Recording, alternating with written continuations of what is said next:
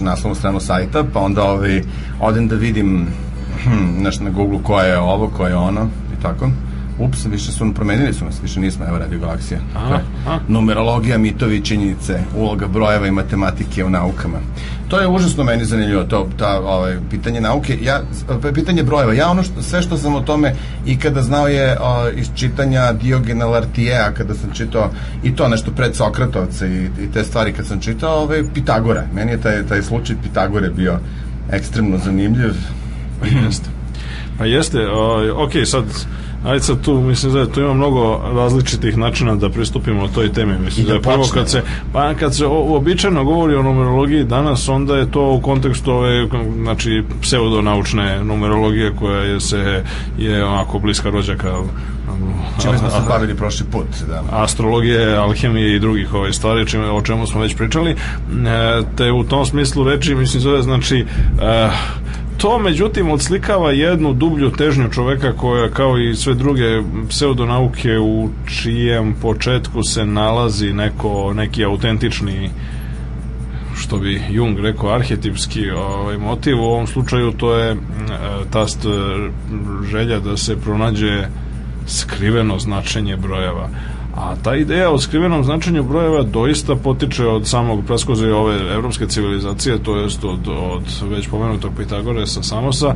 Njemu su uze bude rečeno relativno skoro podigli na Samosu veoma lep spomenik u vidu jednog pravouglog trougla i jedne interesantne figure, mislim, zove, da, zaista, jedno od ono, baš najboljih ovako i najrečitijih nekih onako modernih skulptura. Modernih skulptura, mm. da.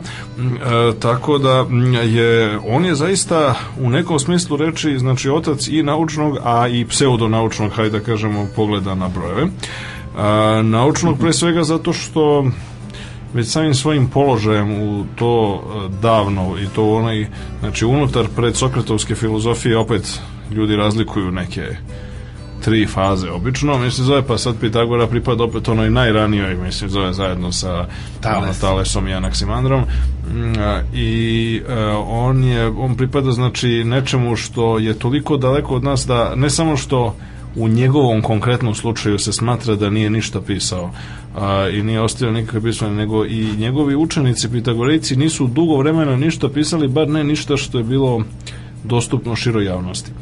Tako da uh, praktično prvi e, Pitagorejac za koga znamo da je imao neke spise od kojih su samo opet fragmenti sačuvani je bio Filovaj, a on je bio znatno kasnije, on je već savremenik on se pominje u Platonovim dijalozima, on je mlađi, sa on je savremenik Sokrata, Platona i tako dalje, mhm. znači što je skoro dva veka kasnije. Uh mhm. -huh. e, tako da u tom kontekstu je jako teško, da to se dodale još razne kasnije neopitagorejske škole, onda razne mistične doktrine koje su kasnije i ono, u antičkom svetu, a bogami i posle kasnije u srednjem i u, i u novom veku bile inspirisane Pitagorejstvom, tako da autentična istina o tome šta je učio sam Pitagora je gotovo nemoguće saznati. I praktično pošteni istoričari filozofije to priznaju da zapravo potpuno je nemoguće tač, tačno rasvetliti šta to zaista pripada, mislim zove ono osnivaču ove škole, a šta je, mislim, zove, jeli, docni doprinos docnijih učenika i kasnije, mislim, zove ponovo pisanje i brisanje istorije, pošto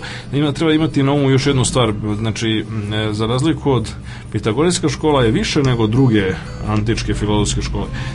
To je bilo prisutno i kod drugih antičkih filozofskih škola, ali ona nije bila samo u smislu filozofska škola kao što pf, nemam pojma, kao što možemo govoriti recimo o Bečkom krugu, na primjer u 20. veku ili, ili kasnije na drugo. Ona je bila mnogo više, ona je bila imala elemente religiozne, političke organizacije, mislim zove pa i sekte, mislim zove. To se posebno to se posebno ovaj, u, u, ovaj, baš kod Pitagorejaca ispoljavalo zato što su oni oni su više mahova i bilo je više incid, poznatih incidenata, mislim, zove naročito u Južnoj Italiji, uh, pošto Pitagora je originalno rođen na Samosu, znači to ostrovo Egesko moru i deo Jonije, tradicionalno, ali je uh, iz razno raznih razloga, mislim, zove, otišao između ostalog zbog svoje nepopularne političke aktivnosti, hajde tako tako bar kažu. Neki izvori, neki izvori ovaj je ka, kažu se iselio u južnu Italiju i takozvanu Magna Greciju ili kako su to Latini kasnije nazivali, mislim i onda je e, u Krotonu, mislim zove po najviše, mislim zove je to je bio veliki grad, Kroton, jedan od megalopolisa te zapadne ove, grčke ovaj, dakle zapadnog dela grčkog sveta je, je razvio svoju školu dakle se ona proširila mislim zove na mnoga u, po mnogim krajima i uglavnom je u svakom slučaju bila najjača u tim dorskim regionima poglavito dorskim regionima južne Italije i Sicilije. A ona je oni su pitagorejci su tamo gde su bili su se aktivno politički angažovali oni su bili što je donekle odgovaralo ovaj, vladajućoj toj, ajde, ajde da kažemo, mislim, zove pre, prevashodno, opet kažem, dorskoj eliti, mislim, oni su bili zagovornici aristokratskog uređenja i međutim čak i ekstremnog aristokratskog uređenja, oni su, oni su čak tu bili i, i, ovaj, i oni su tu čak smatrani nekim, ajde da kažemo, najekstremnijim krilom. S tim što to treba imati na umu, mislim zove da, da ta situacija i opet o tome, eto, mislim zove, može, o tome možeš sa Kostom isto da prozboriš ovaj, po koju to je bila interesantna tema za neku od emisija petkom. A, dakle, u antičkom svetu nije gradacija a, ta bila u, u, onako kako bismo mi zamišljali, mislim zove nas sad, e, danas, a to je da, pošto smo mi navikli na tu predstavu, mislim o tome da sad, eto, možete imati jednog čoveka na, na čelu vlasti, pa onda mi se zove, onda, onda je se to zove ili diktatura ili tiranija ili autokratija mi se zove, pa onda ono više ljudi, pa je to onda oligarhijsko uređenje i onda kad su sad svi mogući, mislim, zove koji imaju pravo glasa, mislim, zove onda je to demokratsko. To je jeste tačno formalno, ali u antičkom svetu se e, po mnogo čemu smatralo, mislim, zove mnogi veliki antički mislioci, mislim, zove na čelu, recimo, Polibijem, Tukidi, do mnogim drugim istoričarima, kako grčkim, tako i kasnijim helenističkim i rimskim su e, zapravo ukazivali da na neki način je nema, mnogima se činilo, mi se zove, mnogi su, mnogi su smatrali da zapravo demokratija nužno evoluira put tiranije, odnosno vladavine jednog čoveka i da se u demokratiji pojavljuje demagog, mislim zove kao što je recimo bio Kleon u Atini i drugi koji nužno prigrabi svoju vlast, a da zapravo je aristokratija podjednako suprotstavljena, mislim zove i vladavini pojedinca, mislim zove i vladavini mnoštva, mislim, odnosno i, i autokratskom i demokratskom. Tako da su Pitagorici bili poznati po tome su učestvovali u svrgavanju nekoliko tiranskih autokratskih režima, ali takođe su bili najveći protivnici demokratije, mislim zove i potpomagali su aristokratske snage, mislim zove gde god je bilo i to im je često mislim zove donosilo velike probleme zato što između ostalog mislim zove i bilo je nekoliko slučajeva mislim zove kada su na njihove što se kaže ove baze odnosno odnosno zgrade i tako dalje organizovani čitavi mislim zove organizovani danas bismo rekli teroristički napadi mislim zove kao posljedica njihove političke aktivnosti. Da oni dan danas postoji dosta je važno um, pitagorejstvo bilo i u vreme renesanse i, i u vreme inkvizicije. Apsolutno. Postoji odbrana, ozbiljna inkvizicija, delovanje inkvizicije koja se bazira na tome da današnji čovjek obično zamišlja kako su neki zadrti, zli uh, likovi koji su kao lik uh, velikog inkvizitora Aha. Dostojevskog maltretirali neke napredne divne mlade naučnike poput Galileja, jel? A vrlo često se radilo o tome da se zaista radilo o ozbiljnom obračunu sa sektašima, pitagorejcima koji su bili, mislim, ti kad bismo pogledao ne, naravno. pravila pitagorejske sekte, shvatio da je hrišćanstvo bilo jedan veliki upgrade u odnosu na, na slobodu misli i odnosa prema čoveku iz svemira. Pa po mnogo čemu, mislim zove, ovaj, evo sad, ako, aj kad smo već kod toga, mislim zove, ovaj, da, postoji mnogo zabluda vezanih, mislim zove, za taj, za de, ta dešavanja u renesansi i tokom mm. naučne revolucije. E pa evo nešto o tome, aj sad malo i reklame, mislim zove, nešto o tome ovaj, ćemo pričati sutra sutra u šest popodne Stano, na Kolarcu, mi se zove u okviru ciklusa snimati, predavanja, e pa do, naravno dobro došli ovaj, u okviru ciklusa predavanja, mislim koji je vezan za jeli, obeležavanje svetske godine astronomije, ovaj, onda je na neki način nastanak savremene astronomske misli i zašto je to značajno za nas u širem civilizacijskom kontekstu, mislim da je jedan od, jedna od epizoda je upravo ta, znači taj ključna uloga Galileja koji je dao empirijske dokaze u prilog novog kopernikanskog heliocentričnog sistema, tako da o tome ću sutra nešto da, da kažem tamo na kolarcu, a ovaj, ovde sad treba da reći da naravno, mislim da je bilo čitav niz, mislim da je milenari, recimo posebno su bile agresivne u srednjem veku, mislim da je milenarističke i te eshatološke sekte koje su očekivale sudnji dan i koji su ne samo očekivale nego i radile na tome mislim zove do njega dođe ne mislim toga ima i danas Pa recimo slavna slavna ovaj, ili slavna pod navodnicima dakle japanska sekta Aum Shinrikyo koja je odgovorna za napade nevnim gasom u tokijskom metrou 95. i čitav niz drugih organizacija mislim koje su recimo vrata raja, mislim zove oni, ona sekta koja je izvršila masovno samoubistvo prilikom da. pojave komete, Hale Bop i tako dalje. Pa u nekom Ali, razvodnjenom obliku svuda oko nas su ti ljudi koji uh, se bave tom vrstom numerologije, da stalno nešto oko tebe su neki ljudi koji pričaju o e, da. kalendaru maja 2012, to je pa 2000, to je pa 2001. E, da. Da, to je onaj, to je onaj, to je ta jedan, to je ta jedna vrsta, dakle jedna vrsta pseudonaučnog, mi se zove nasleđa pitagorista, ali da se vratimo na naučno, mi se zove, ono što je naučno nesporno jeste da um, pitagoriti su uh, prvi razumeli, sugerisali tu ideju, znači u celoj istoriji sad neko bi rekao, mislim da je, pa to je uh, tako očigledno ili relativno ili gotovo trivialno, ali poenta jeste bila da u tako ranom periodu istorije ljudske misli. Oni nisu imali za sebe praktično ništa osim jednog mitološkog, znači orfičkog, homerskog, jednog, jednog takvog legendarnog i mitološkog perioda kulture. Oni su a, prvi koji su zaključili da se o svetu nešto može reći kroz određene brojeve i njihove međusobne odnose. I to su naravno, mi se zove, uočili na to po predanju, opet kažem, to je jako teško verifikovati, ali po praktično opštoj toj nekoj tradiciji filozofskoj koja je ne, postojala, koju prenosi između ostalog i Diogen Laerti i drugi, e, e, antički takozvani doksografi, danas bismo rekli istoričari filozofije, e, dakle, po tome je Pitagora to prvi očio u muzici, mislim, zove naime zategnuta struna bilo kog žičanog instrumenta ima će emitovati određene, znači zbog vibracije strune će se emitovati određeni zvukovi. Sad svi znamo da to može biti... Izvini, to, to je mnogo lepa priča kad se ispričam, znači kako je Pitagoras mislio Pitagorinu teoremu koja se tiče kateta i hipotenuza pravouglog a, trougla, znači ne a, baveći se geometrijom, nego je šetao sa svojim učenicima i pored kovačke radnje su prolazili i on je u trenutku rekao stanite, čutite svi, onda je stajao i slušao kovača koji je pravio mač uh, mm -hmm. na, na nakovnju i kako je rukom pomerao dužinu tog mača, tako se menjala visina tona uh, i onda je on nešto razmišljao, otišao kući i onda uzeo instrument poput lire, gde se kobilica može menjati i da, da, da. pronašao je uh, odnos kateta i, hip, i hipotenuza praktično pomerajući kobilicu i slušajući zvuk.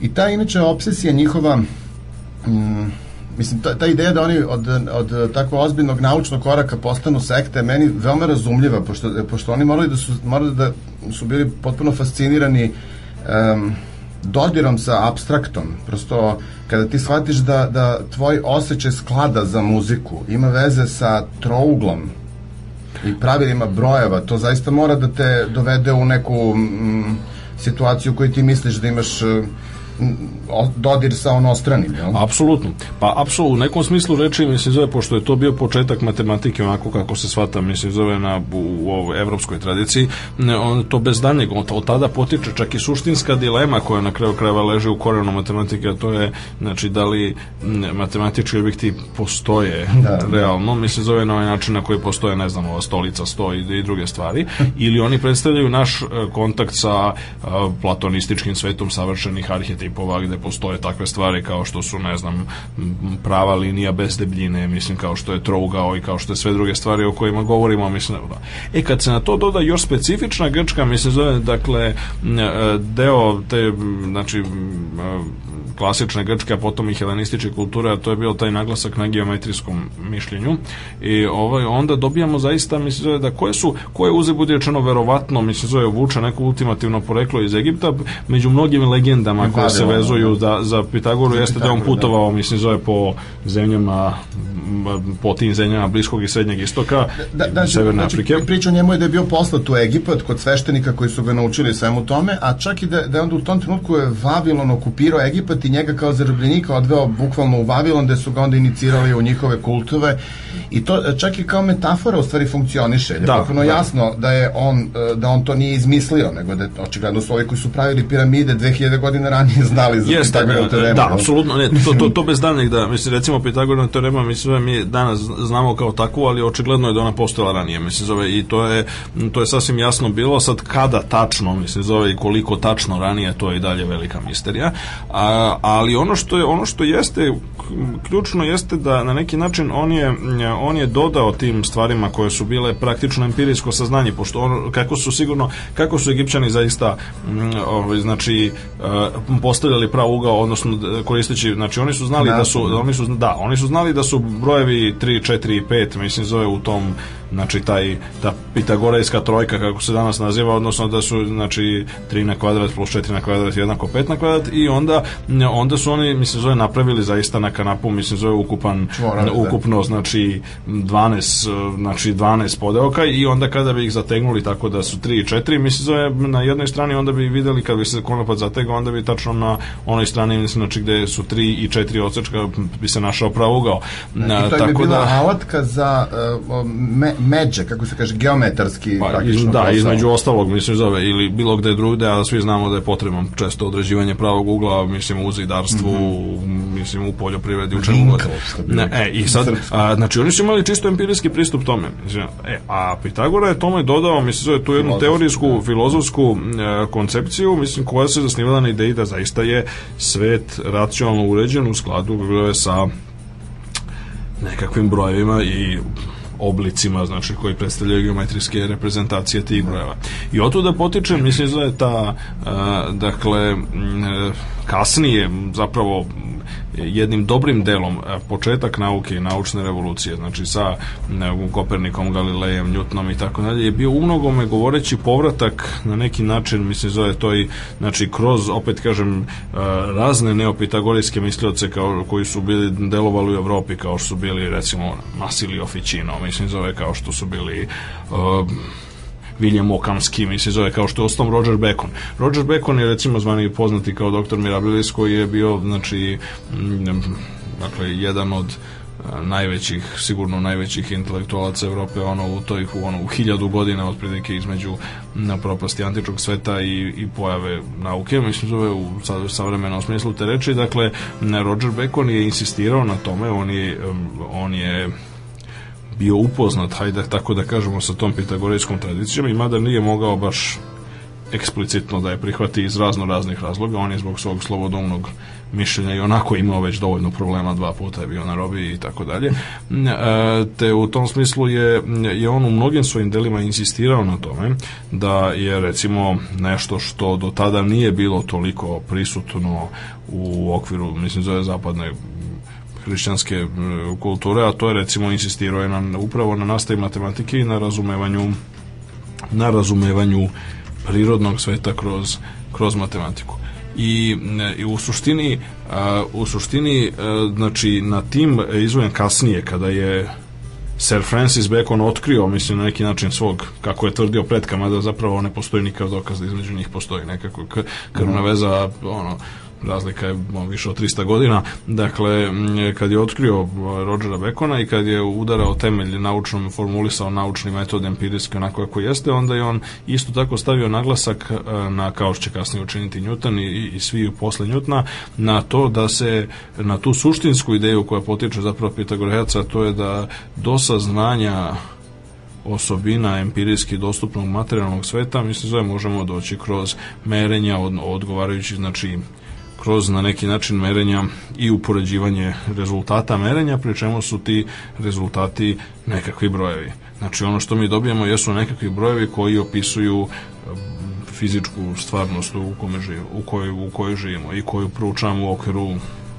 posebnih nauka, mislim zove, dakle to su se do, već, već od Njutna na ovamo gde kad se pojavljuju već posebne nauke. E, do tada se to smatralo samo jeli, prirodnom filozofijom. E, ono, što, ono što jeste ključno, mislim zove, jeste da zapravo taj recept na neki način toliko duboko mislim zove u, u korenjen mislim zove u celu istoriju nauke u celu m, tradiciju sva postrenesansnog čoveka da je zapravo potreban veliki napor da bi se uopšte uočilo koliko je to koliko je to jedan ovako radikalan korak i koliko je to zapravo nešto što oko čega se ne pitamo i ne pitamo dovoljno i tek u, ono, u 20. veku zapravo su se veliki umovi 20. veka, poput recimo Alberta Einsteina, nema, su se upitali, mi se zove gotovo prvi put praktično, mi se zove ono od Pitagora na vamo jeste, a na čemu mi zapravo zasnivamo zasnijamo po, toliko pove, to poverenje koje imamo u brojeve i uopšte u, nar, u, u tu činjenicu zove da nam matematički modeli daju jako dobar opis onoga što nazivamo konvencionalno stvarnost ali o tome to, to je nama to je nama usađeno prosto u, u pa jeste ali to treba ali to treba prispitamo ali o tome malo više nakon jedne muzičke numere. Da The Water Boys Met Symbol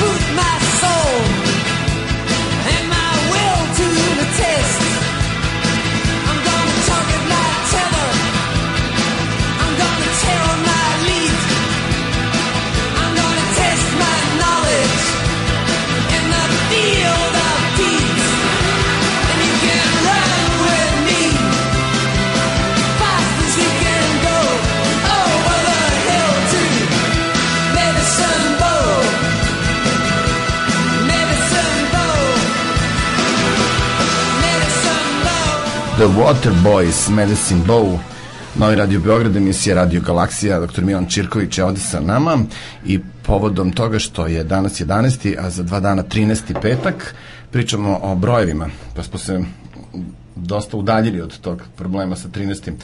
Pa dobro, nismo ne toliko, zato što to predstavlja samo jedan, jedan od, hajde da kažemo, primitivni vid. Pa pop kultur, subkulturnik, Sub zapravo, mislim, manifestacija. Pa jeste, pa upravo to, znači, yes. gomila drugih stvari, mislim, koje se, gde god nam se nalaze, ne znam, sedam, srećan broj, te ne znam zašto je značajan ovo, zašto pe, na kraju kraja, mislim, pitanje je zašto, na, način na koji mi isto podrazumemo da koristimo svuda sistem koji ima brojčanu osnovu 10. Ne, pa ja, to nešto što, a to je da nešto što nigde ne ovaj nigde nije. Znači 10 to je tačno da mislim da eto neki ljudi kažu da sistem 10 je vezan za tome što ima 10 prstiju. Ali Čini čekaj, da ima 10 prstiju. Pa ne, to je tačno, ali ovaj ali recimo mislim da je bilo je među recimo pre kolumbovskim civilizacijama u Latinskoj Americi bio recimo mislim da su Aseci koristili sistem mislim da je baziran na broju 20, onda su valjda brojali prste na nogama, mislim da je takođe. A recimo e, pod sistemi modernista. Pa čekaj, sistemi mislim da je bazirani na većim, mislim da je na na brojeva recimo 16 heksadekadni sistem koji je dalje vrlo značajan recimo za računarstvo, na primjer, koji je vezan za činjenicu da registri recimo računara, mislim, zove su imali po Čekaj, 8 okej, mesta. Ali gledaj, ja, ja mislim, samo moram ti kažem prvo, ja inače sve vas koji se bavite naukom, znači sve, sve koji ste nekada u osnovnoj školi se zaljubili u Matiš i, i, i mnogo vam se to dopalo, ja vas sve malo držim za Pitagorejce, znači, vi ste Pa svi u jednom trenutku osetili taj poziv Pa dobro, ima tog, tog nešto. sistema nekog koji vas vuče u tom pravcu i meni on inače ultra logičan, jer ja, ja ovako razmišljam, znači, e, tvoja zenica je okrugla, kada baciš kamen u vodu, on prave se oni krugovi, sunce se kreće po kružnici i onda postoji abstraktno telo, krug, koje je potpuno mistično sa svim tim mogućim razmerama i, i principima kako se broji, a šta u njega ulazi, a, a jednostrani trougao, a, jedno, a je- jednakostranični trougao, pa svi imaju isti ugao 60 stepeni, a kad napišeš 1, 2, 3, 4, 5, 6, 7, to se napravi u trougao, Ne, naravno, pa, pa, čak bez daljnjeg. stvarno, kako čovjek da, da se ne zaljubi u to? Pa to, ne, imaš, to, to, imaš, to gomilu, snaga. imaš još gomilu ekstremnih primjera, mislim, imaš svoje primjere iz, primjer, iz prirode gde se pojavljuje, recimo, ne znam, zlatni presek ili, recimo, logaritanska spirala kod školjki, mislim, zove, ili gomila, gomila drugih stvari. To je tačno. Kako, Veliki kako ljudi čovjek su... da ostane imun na to? nemoguće. Dakle, veli, dakle, ljudi su to uočavali, mislim, zove ono od uvek i to nije, ali to nije ekskluzivno, to nije, mm, to nije samo naučna stvar, mislim, zove, to je jednostavno A dobro, vi ste to nešto što... Ne, to ima, ovaj, to ima, mislim, zove, toga ima na svakom koraku. Na kraju krajeva, mislim, zove kode, recimo, baš upravo te neke, e, jer neke ajde da kažemo, matematičke pojave u prirodi su inspirisale brojne ljude, mislim, znači ne samo naučnike, recimo, Antoni Gaudi, na primjer, i ovaj, ako ode u njegov ovaj, stu- studiju, odnosno onaj muzejčić ispod Sagrada Familije, mislim, u Barceloni može da vidi kako izgleda, mislim, ne gomila, recimo, ne, logaritanskih spirala, odnosno, ili, recimo, ne znamo ništa, stabljika artičoke, čiji poprični presek, mislim, zove takođe odslikava Tako je, da. matematičke pravilnosti, Ili gomile drugih stvari. I naravno, mislim, zove, to, upravo to. Ne, te u tom smislu Bach je inače baš bio oficijalno pitagorejac i on je svoj deci davao imena po nekim pitagorejskim tablicama, znaš. Mislim, ozbiljno Odlično, C, D, G, G, odlično. nešto. Ovaj, da, uzabudi rečeno, mislim, zove Pitagorici, pošto među našim slušalcima sigurno ima bar neki ovaj, vegetari, ve- vegetarijanac, ne, treba pomenuti da su da su, da Pitagorici bili pioniri, pioniri vegetarijanske ideologije, hajde tako da se izrazim, odnosno oni su prvi smatrali. Pa Mnogo čemu da- su, oni, na primjer, meni je zanimljivo, on je e, prvi e, Pitagorat ili Pitagorejci su ljudi koji su uveli taj moralni princip unutar filozofskog učenja, iz koga će na neki način Sokrat Da, proizaći, proizaći, da, a iz da. Sokrata proizilazi sve. Znači, tačno. nema ničega što više ne izlazi, cela civilizacija iz Sokrata izlazi.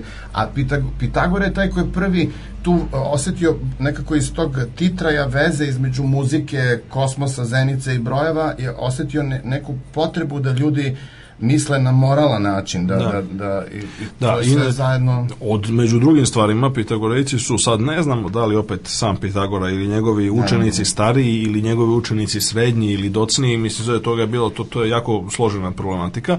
Dakle e, m, Pit, e, Pitagora po, po opet po tradiciji Pitagora je bio za prvi čovjek koji je tvrdio da je zemlja prvi čovjek u, u Evropi, mislim da je koji je tvrdio da je zemlja okrugla. A, I sad dok je to je jako interesantno pošto recimo taj m, to nije bilo značajno opšte prihvaćeno mislim u antičkom svetu sve do Aristotela.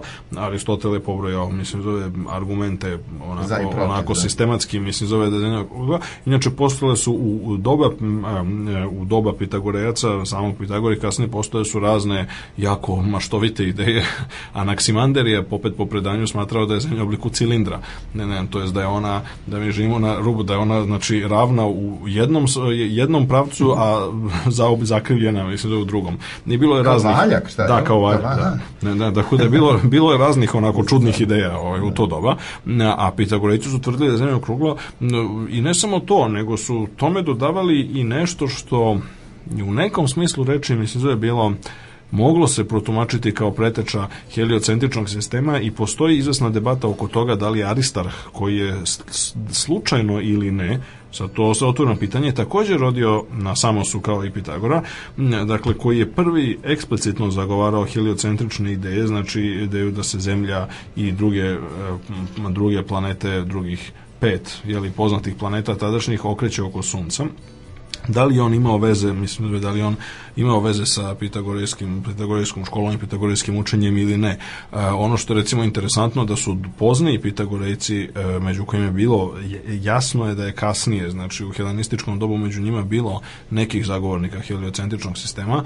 Oni su imali jednu bizarnu ideju koju smo pomenuli kad smo u jednoj od prethodnih radiogalaksija kad smo ovaj, govorili o Vladimiru Nabokovu i njegovom romanu Ada, a to je imali su ideju da na suprotnoj strani od sunca u odnosu na zemlju stalno se kreće antizemlja i tamo je sve slično kao ovde, ali nekako obrnuto na opačke. Tako da... A to je jedno geometrijsko mišljenje, još ako ta geometrija je prosto uh, da. neka...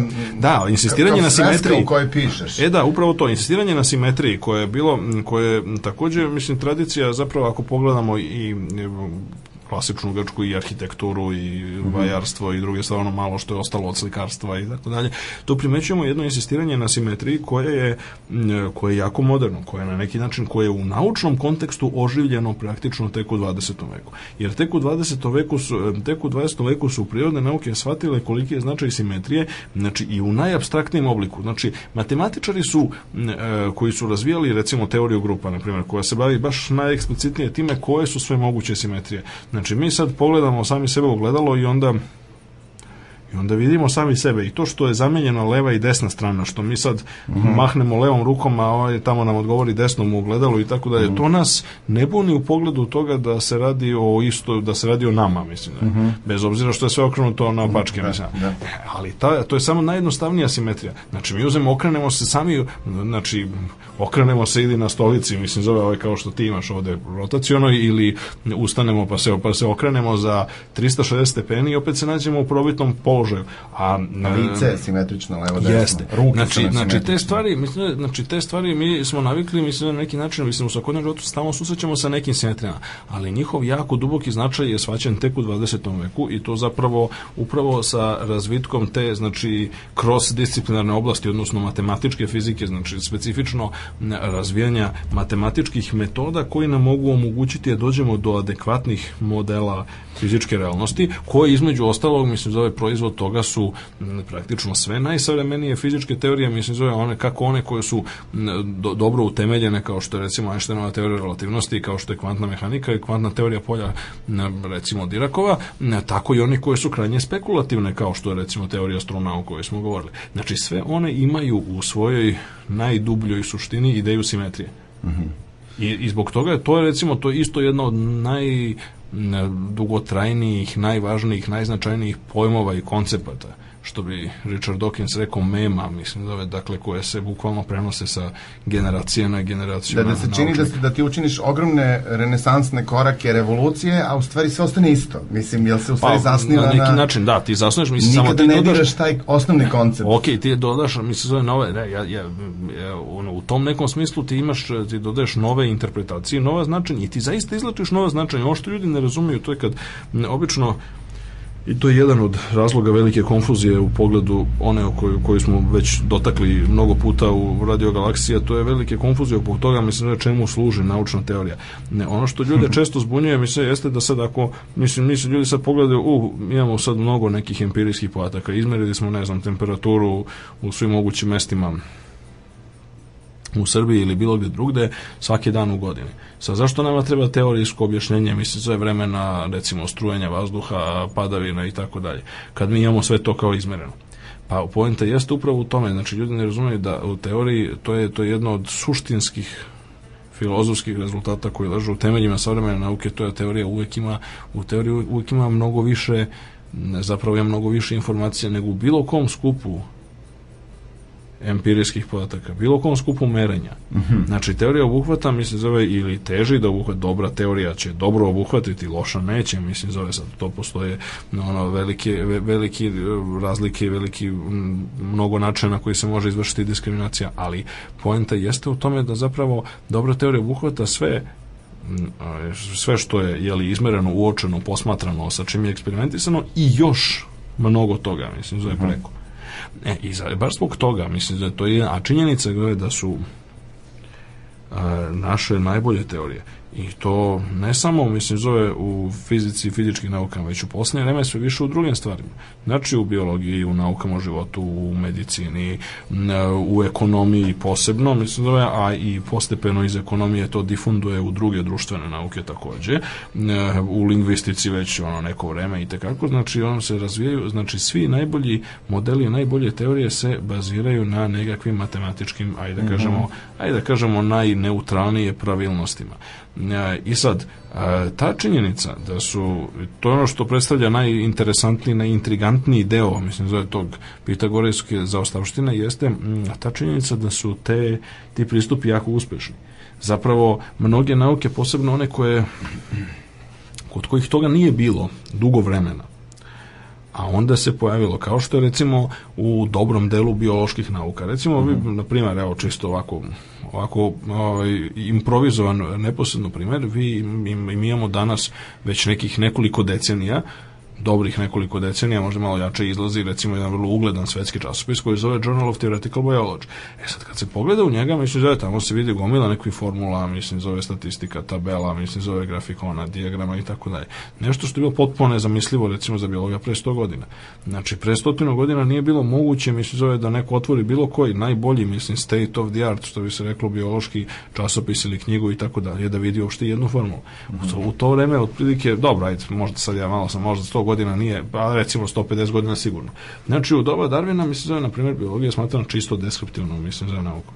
Znači, to sad mi pronađemo što više raznih vrsta, opišemo njihovu morfologiju, ovo, ono, eventualno nacrtamo, mislim, zove te vrste i to je to. Je to već, znači Darwinova teorija je bila veliki korak napred u smislu toga da je on uočio da je tu sad ima neke, da veličina populacije neke vrste je ključna zapravo i to da li će, koliko će ona biti efikasna u prenošenju nekih osobina na potomstvo, mislim zove i tako dalje, on je već učinio te, ona originalna Darwinova teorija je takođe bila veliki korak u pravcu e, kvantitativnog shvatanja nauka o životu.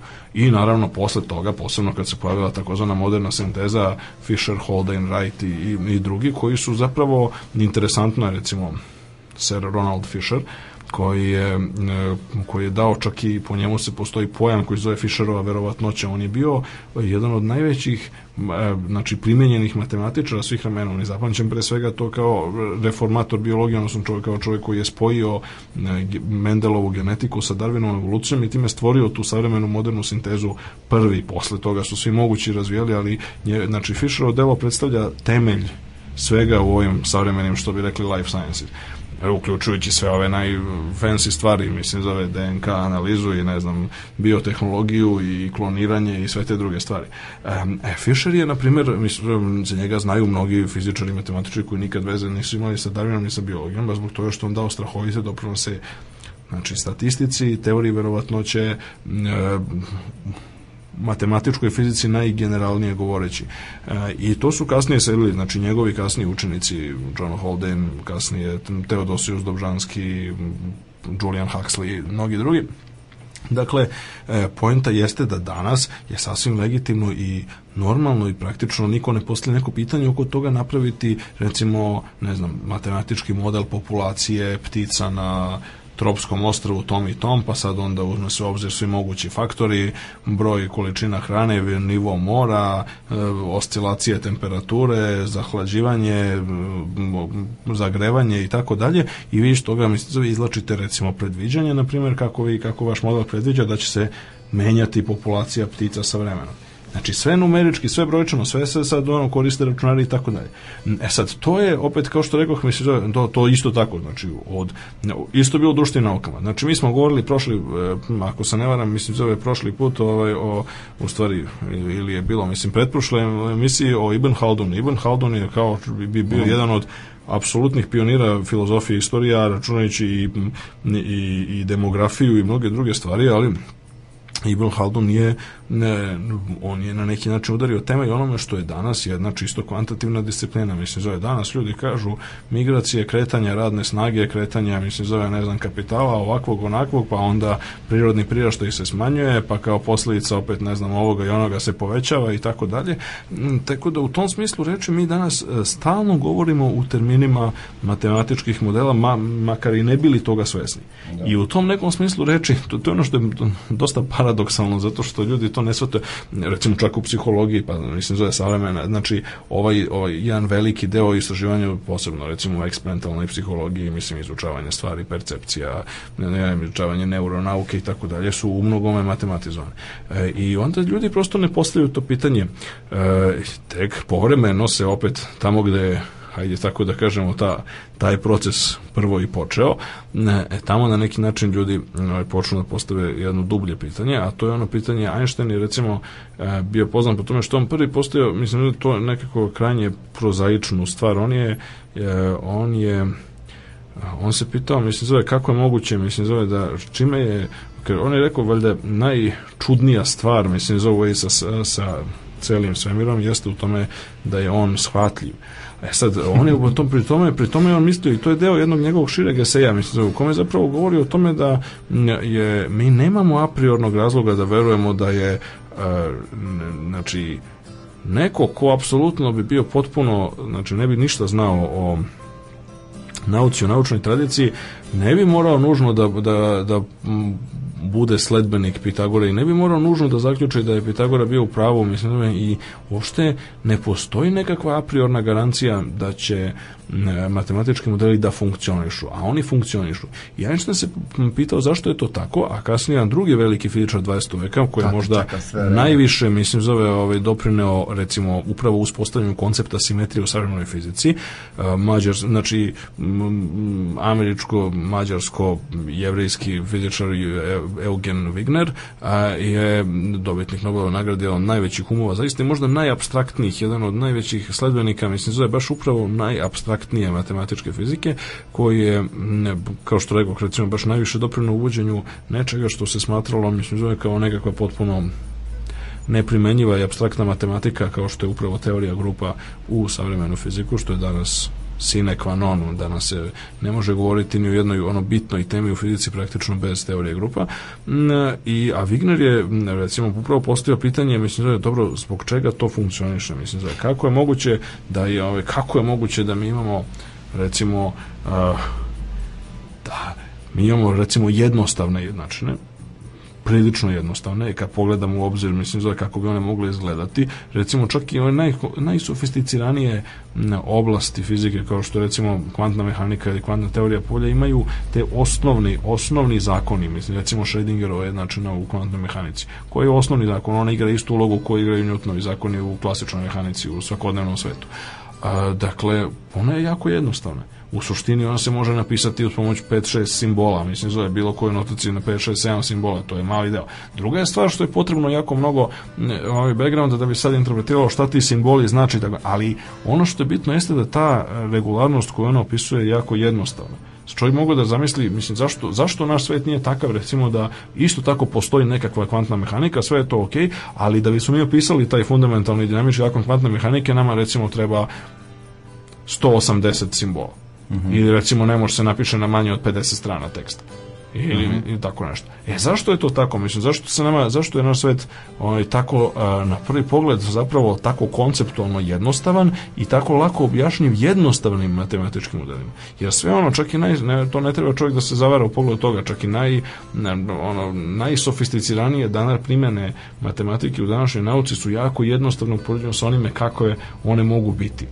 To je jedna od prvih stvari koje sam, znači, što, je, jedna od stvari koje sam ostalo u sećanju, mislim, zove tamo još iz srednjoškolske matematičke analize, kad nam je nastavnica rekla, ovaj, znate, mislim, da sad ćemo, ne znam, pokazat ćemo, ne znam, šta su diferencijali načine i tako dalje, ali treba razumeti da 99,99% svih mogućih diferencijalnih jednačina je nerešivo a mi ćemo opet sad raditi, ne znam, neke metode ovakve i onakve, koje možemo rešiti neke specijalne, školu, neke samo specijalne slučajeve. Mislim, pa dobro, sve jedno, mislim, da, znači, ali e, razumeti, mislim da, znači, ogromna već sve stvari, mislim, čovjek ne može zamisli mnogo načina na koji bi e, stvari mogle da budu daleko složenije, a nema mnogo načina na koji mogle da budu jednostavnije. I upravo to ono što Einsteina i Wignera zbunjivalo, ali To je zaista šokantno ovaj... zanimljivo i to sve vreme sam čekao da dođeš do toga, da se zove neshvatljiva efikasnost matematike. Jeste, to je naslov jednog Wignerovog eseja, baš upravo, mislim, zove posvećenog tom problemu. We are dying, Angels City.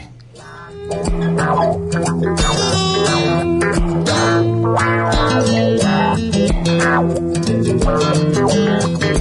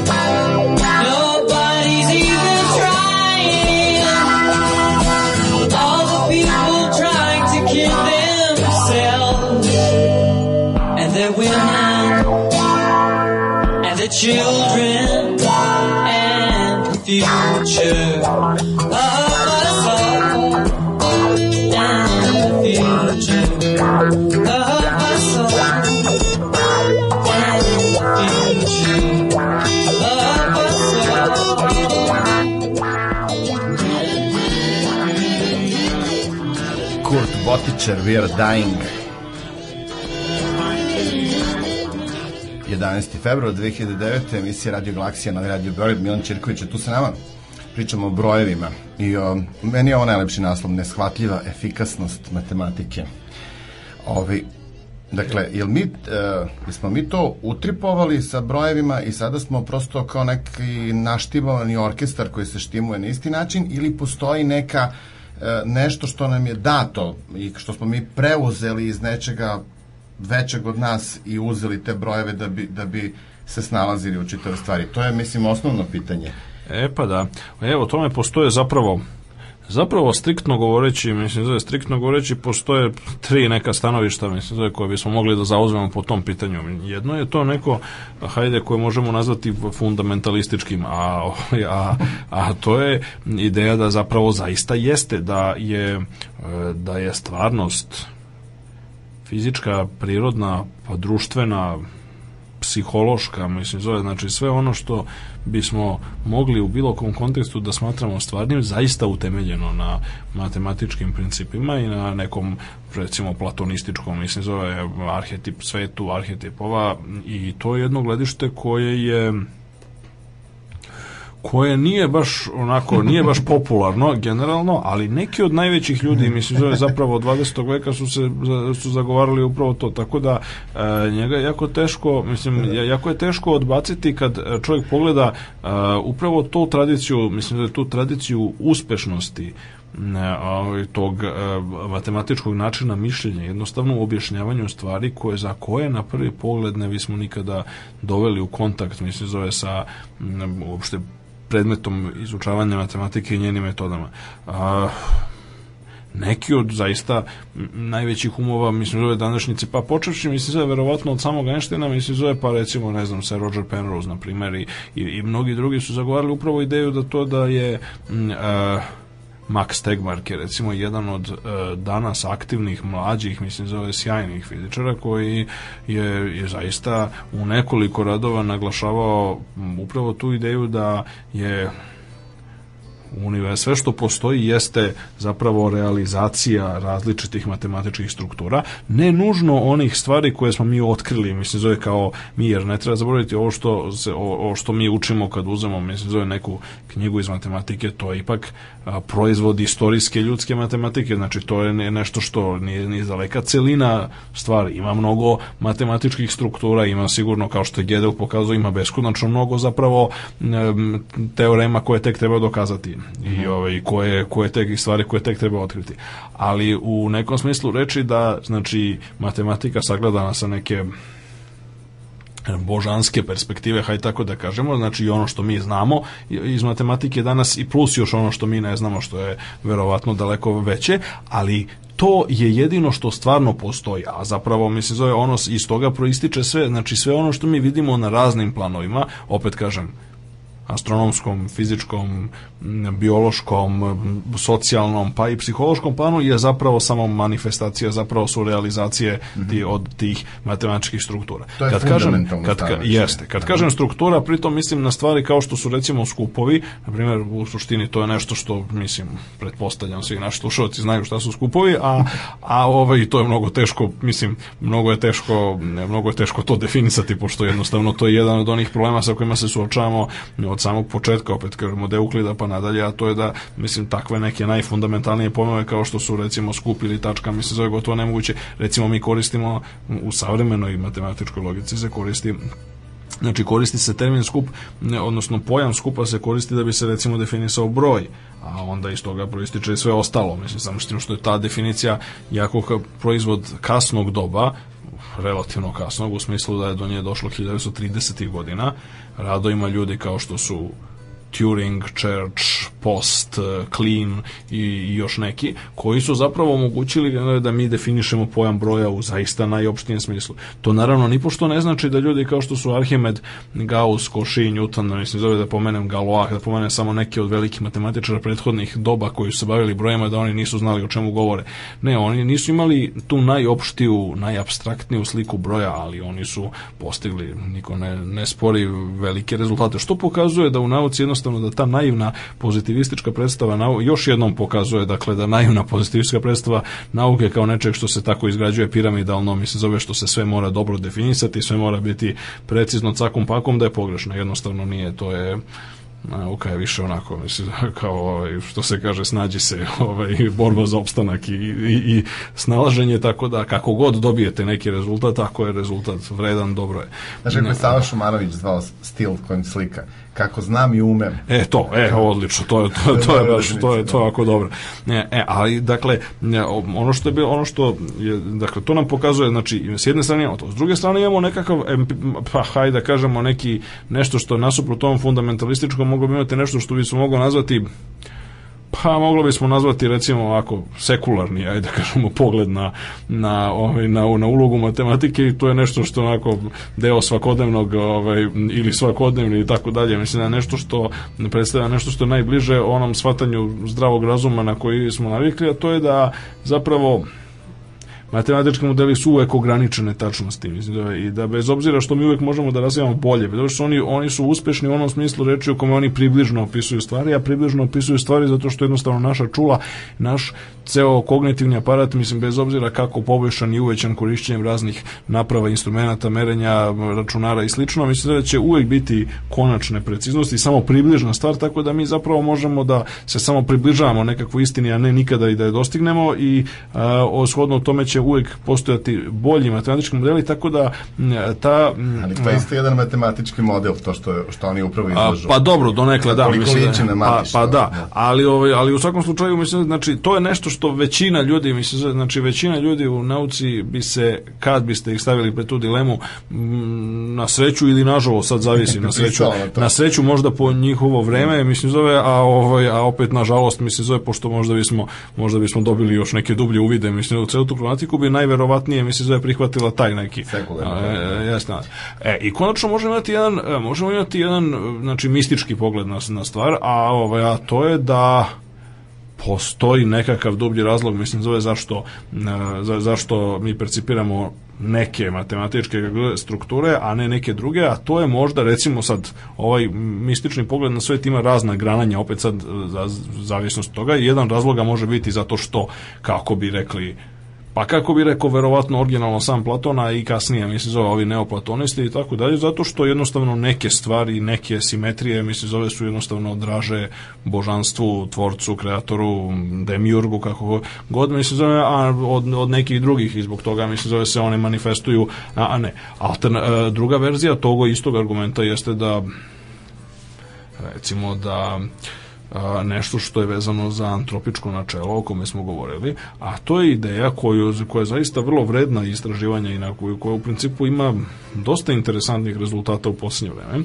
Naročito negde od 1987. kad je Steven Weinberg dobitnik Nobelove nagrade na najveću fizičara dažnicu, bio jedan vrlo kratak rad u kome je zapravo ne, mnogi smatraju predvideo nešto će se desiti 11 godina kasnije, 11 godina kasnije, 1998. su posmatrači to dve različite grupe otkrili postojanje e, takozvane kosmološke konstante, odnosno ili energije vakuma koja čini da se svemir širi sve brže. I sad to, ta kosmološka konstanta je nju je predložio još Einstein originalno, one su svako, svako malo ulazile, izlazile iz mode, onda se smatralo negde, negde recimo ono sredinom 60. godina da je ona za zauvek izašla iz mode i da je to sad ono kao, mislim, nešto što predstavlja samo deo istorije nauke, e onda je Weinberg 87 sedmena se zove sugerisao da postoji jedan da postoji jako dobri razlozi koji su ultimativno bazirani na antropičkom rasuđivanju, odnosno da ideji da je za svet kakav mi opažamo i za naše postojanje, mislim zove u ovom trenutku evolucije, zapravo najverovatnije da postoji nekakva mala kosmoša konstanta, mala energija vakuma, mala u smislu na mala upoređeno sa onime e, sa nekim stvarima iz ono našeg ono svakodnevnog života, mislim zove pošto Dakle, ona kad se uh, i u malo poređenju sa onime što su fizičari, fizičari očekivali za energiju vakuma.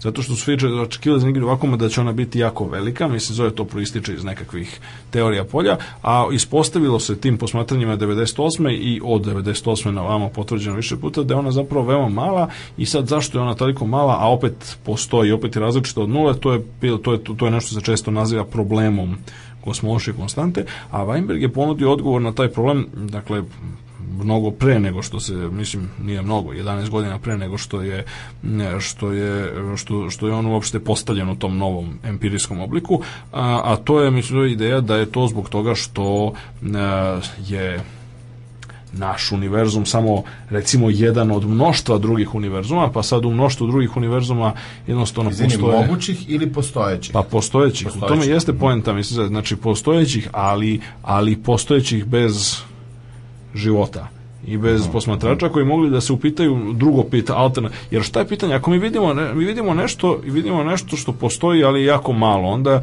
pravo pitanje je dobro a što nije veće mislim zove. A ako možete pokažete da je veće mislim zove to nešto i da su sve vrednosti veće od neke kritične zapravo nespojive sa postojanjem života i onda smo napravili nesumnjivo korak napred u smislu odgovora na prvobitno pitanje i na, na prvobitni problem.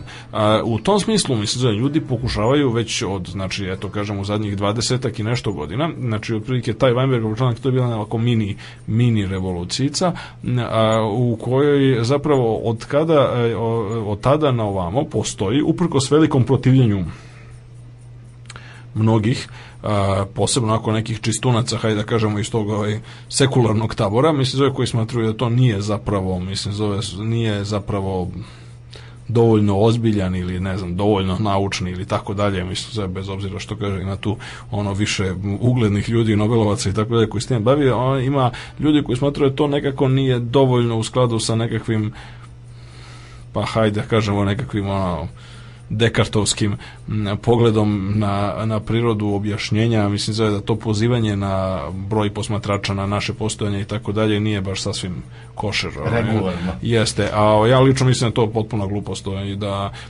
i da naravno da su, da su primetbe glupost, naravno, mislim zove i da je, kako zove, da naravno da je pozivanje, mislim zove na naše postojanje sasvim regularno, nelegitimno to što, mislim zove to što je tamo, ne znam, ono, Descartes pre 400 godina nije mogao da zamisli takvu situaciju, pošto se njemu učinilo da je potpuno da je ono što se opaža u prirodi potpuno irelevantno i većina pojava u prirodi zaista irelevantna u pogledu mislim ne utiče na broj posmatrača mislim ili bar ne vidljivo znači to da li će mislim da da li je zemlja se kreće oko sunca ili ili obrnuto mislim zove to da li će ne znam da zimi biti hladno a leti pada kiša i tako dalje to ne, u suštini ne utiče to znači koliko god mi možemo da vidimo, mislim zapravo nema e, znači nema neke bitne razlike, mislim verovatnoća opažanja na primjer da je zimi hladno, mislim da se ne menja Dakle, ne menja se ni sa, ne znam, da ne ni sa ono, dakle, i bez obzira jedan ili sto ili hiljadu ljudi, mislim da će uvek opaziti, mislim zove isto da je, da je mhm, zimi hladno.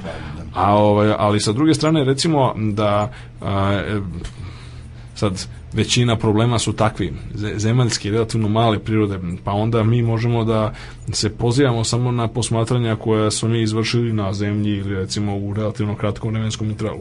Kad dođemo do zaista velikih kosmoloških pitanja i pitanja koje se tiču naj, tih, tako reći, pitanja na granici fizike i metafizike, onda je nemoguće da primenimo isti recept, onda moramo da se pitamo, mislim, zove koliko drugih posmatrača, mislim, zove drugde u univerzumu ili u svim mogućim univerzumima, mislim, zove ili u celom multiverzumu, kako se to sad sve više ovaj, naziva, da li oni nešto vide, da li oni imaju slično posmatranje ili različite. I u tome jeste poenta, znači da bi se objasnilo zašto su neka naša posmatranja čini nam se atipična, čudna, neobična, zahtevaju objašnjenje.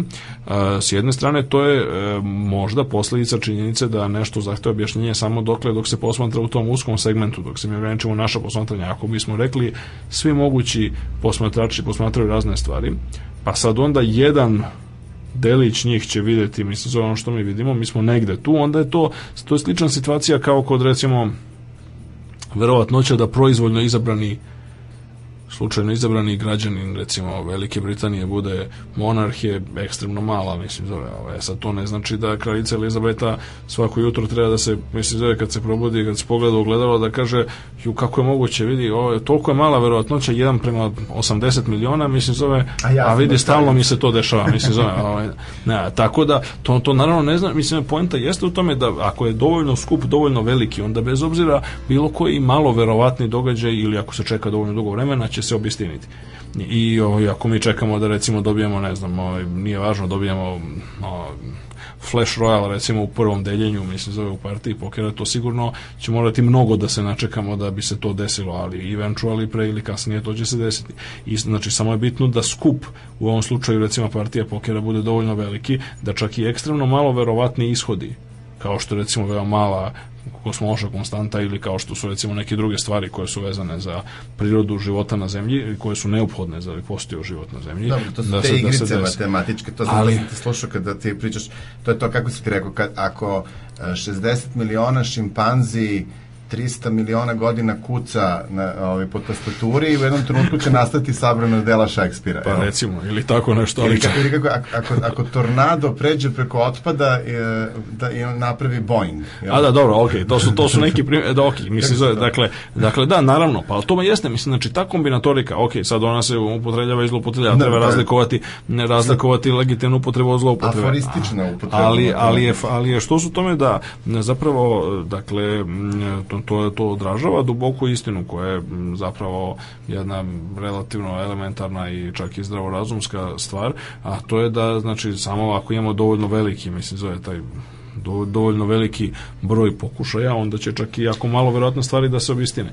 A ako je potrebno da objasnimo, mislim, zove kako to da je naš svet po nečemu specijalan, a onda je jedan od, ako, a ako sa jedne strane, mislim, zove smatra jedne strane moguće, dakle da ga je neko napravio, mislim zove da bude baš takav, a ako nam se ne sviđa ta neka, ako sad zbog nekakvih meta načela, recimo insistiranje na naturalizmu e, u objašnjenju fenomena u prirodi ovaj, insistiramo da to nije tako, onda nam preostaje da zapravo sugerišemo da postoji jako mnogo drugih svetova koji su uglavnom prazni i uglavnom lišani posmatrača, zato što tamo su uslovi ne inkompatibilni sa postojanjem života. Tako isto, na još malo višem nivou, zapravo možemo odgovorimo na ovo pitanje i to je zapravo nešto što su čak i Einstein i Wigner a, zapravo sugerisali, a to je da mora biti a, da postoji nekakva veza koju mi možda ne možemo da uočimo, elaboriramo ili razjasnimo u potpunosti u sadašnje doba, a, a da postoji neka veza između oblika zakona, znači između toga što, kao što rekao smo, eto, Schrödingerovo jednačino, mislim zove treba da, koja je jedno od najdubljih stvari, zahvaljujući koji rade ovi svi, recimo, računari preko koje nas naši slušalci slušaju, ne, ovi, svi oni i sva druga elektronika i sve druge stvari koje su konstruisane su zapravo ultimativno zasnovane na Schrödingerovo jednačini. Schrödingerovo jednačinu možemo napisati sa, recimo, korišćenjem, recimo, osam simbola, u nekakvoj standardnoj verziji, a, na primer, ne treba nam, na primjer, 18.000 simbola za, -huh. za isto. E, I sad mora da postoji neka veza, mislim da smo na kraju ultimativno su, su sugerisali Einstein i Wigner i, i još neki koji se bavili kasnije time, ali to je još uvek u mnogome veoma otvoreno i veoma interesantno pitanje, baš zbog toga. Između toga i činjenice da mi postojimo, odnosno da je ovaj svemir dopušta postojanje jako složenih i kompleksnih struktura kao što su inteligenti posmatrači.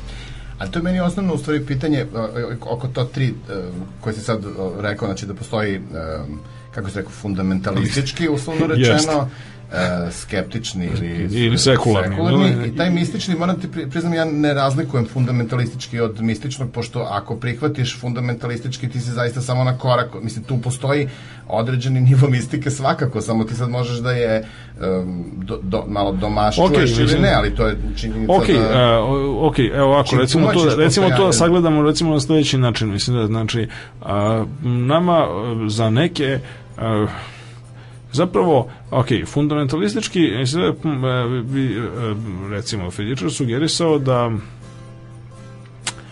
čak i stvari koje nam se čine najudaljenije od neke kvantitativne analize danas, recimo mentalni fenomeni, na primjer. Uh mhm. Znači osjećanja, ne znam, ideje, koncepti, abstraktni koncepti, pravda, mislim, zove sloboda i tako dalje. Su to samo kao posljedica, mislim, zove ne kao posljedica toga što su nam potrebni neki dodatni, neki dodatni ne, mehanizmi i stvari i tako dalje, mislim, zove ne, ne ono kao posljedica toga da sad mi treba da uvodimo neki, recimo, kao što su ljudi pokušavali, e, Emil Durkheim, recimo veliki sociolog, ja ne, sociolog, oni sugerisao da postoji neka psihički fluid. I oni sugerisao da poremeći u psihičkom fluidu dovode do recimo, ne znam, samoubistava, na primjer, i tako dalje. Sad, to nama može izgleda smešno, mislim, ali to je jedna, to je hipoteza koja je naučna hipoteza prvo, nema, ovaj, mi možemo smatrati da je ona oborena, mislim, za ove razne, iz razno raznih razloga, ne, ovaj, možemo smatrati da nije još oborena i tako dalje, ali to je naučna hipoteza i ona je predstavlja pokušaj, kako zove izazove da se dodavanjem nekakvih mehanizama objasni nešto što nam je nepoznato. Fundamentalista kaže to je iluzija. Zapravo, mislim, zove, nama je sve, mislim, mi sad jedino što mi o, nismo još razvili, nismo upoznali sve ove matematičke strukture, ali u e, ovom svetu koji je, ovom svetu empirijskom koji nama dostupa, nema ništa novo zapravo, mislim, zove, ništa novo nećemo otkriti što već nije sadržano, mislim, zove, tako da u tom nekom smislu e, taj fundamentalistički pogled je najbliže, mislim, zove, tom originalnom pitagorijskom shvatanju da je zaista sve u broju i meri, ili omnija i numero et menzura, što bi rekao ovaj latinski prevod. Dakle, to. E, s druge strane, kako zove, ovaj, znači, oni, ajde da kažemo, mistič, mistično orijentisani ovaj, naučnici smatruju, recimo, dobar primjer je Niels Bohr. Niels Bohr je, recimo, bio ubeđen, mislim, da on je bio ubeđen da je potrebna neka nova fizika, još uvek nedostupna, mislim, zove, da bismo objasnili psihičke i mentalne fenomene. Uh mhm. -huh. I, ovaj, I on je, recimo, on je u skladu sa tim, mislim, zove, on je bio, recimo, veliki pobornik parapsiholoških fenomena, mislim, zove, takođe treba napomenuti. A, ovaj, ima i mnogih drugih kasnije i pre i posle i pre i posle smatraju da mislim zove postoje stvari ne, koje mogu, ali ne moraju biti, mislim, zove nužno, ne moraju biti, mislim, zove nužno, Aha, nužno, kako okay. zove, ovaj, e, matematički predstavljive i objašnjive, koje su nam neophodne da bismo ostvarili, da bismo sagledali ajde da kažemo celinu realnosti. Da, a ovaj a a ovi mi se zove napravo, napravo tiha većina, hajde tako da kažemo koja neverovatno zagovara sekularni pogled kaže da to nama jednostavno nije ni bitno. Mislim zato što mm. nama bitno da možemo da računamo ono što konkretno mislim zove možemo da merimo. A pošto mi ne možemo da merimo recimo abstraktne stvari kao što su mislim zove sloboda, ljubav, pravda i tako recimo na primer, ovaj onda bar ne još uvek. Dobro, to ti kao u matematici, znači ako ti postaviš dobro jednu načinu sve će dalje da se razvije. To pitanje su osnovna, znači moj, recimo to ovako, kada bi nestala naša civilizacija, bila izbrisana mm -hmm. i, i zamislimo da se ponovo rađa neka druga civilizacija, uh, izgleda dosta logično da bi oni morali da primete postojanje stvari, ka, stvari kao što su krug, trougao. Pa to je tačno. E sad, naravno, ne mora ni to da bude baš u potpunosti, mislim, te neke najelementarnije stvari svakako, mislim, zove na tom nivou matematike koji je, recimo, ajde da kažemo, osnovno školskom nivou, mislim, za mhm. svega. Ali se postavlja pitanje, mislim, zove, da li će, znači, da li će onaj uh, ostatak, ono što je ono sofisticiranija stvar od toga, mislim, zove, biti isti, mislim, na raznim mestima. Od toga se vode, to se vode velike debate. Na kraju kreva ljudi koji se bavili uporednim tim raznim istraživanjima istorije, kulture su imali različite odgovore na to. Oswald Spengler je tamo pisao, mislim, u svojoj čuvenoj knjizi Der Untergang des Abendlandes, odnosno Sumrak zapada. On, je pisao o tome kako zapravo suštinski postoji e, postoji jedna tranzicija baš u matematiku, on je koristio recimo baš matematiku, mislim inače on je originalno, mislim da je studirao matematiku pre nego što je počeo da se bavi istorijom, a ovaj dakle on je sugerisao da postoji suštin, da postoji upravo tranzicija između znači antičkog, apolonijskog, kako vam zvao, srednjevekovnog, ovog pre svega arapsko-persijskog, znači magijskog, i ovog savremenog, odnosno evropskog, odnosno faustovskog a, tipa kulture, mislim da upravo u tome, što recimo, mislim da je nalazio da je krajnje prirodno da je antički svet razvijao pre svega geometriju i dosegao tu velike zaista velika dostignuća, oličena u euklidnim elementima, ne samo tamo, nego i drugde, a da je recimo arapski svet razvijao algebru iznad svega a savremeni čovjek opet evropski mislim zove prevashodno takozvanu matematičku analizu odnosno ono što se zove kalkulus mislim zove što je počelo sa Newtonom i Leibnicom a, sad dobro drugi kažu nije to je on više onako poetski mislim zove to je više onako metaforički nego, ne, nego što je ono ozbiljna analiza ali nije sasvim jasno mislim zove da li bi na prvi pogled čini se prirodnim logičkim zdravorazumskim da postoji jedna neka matematika. E sad opet kažem, ovaj, to je, to je ovako, to je, to je možda suviše blisko ovom fundamentalističkom stanovištu o kome smo govorili. Ali mnogi ljudi, to je recimo relevantno za druge stvari.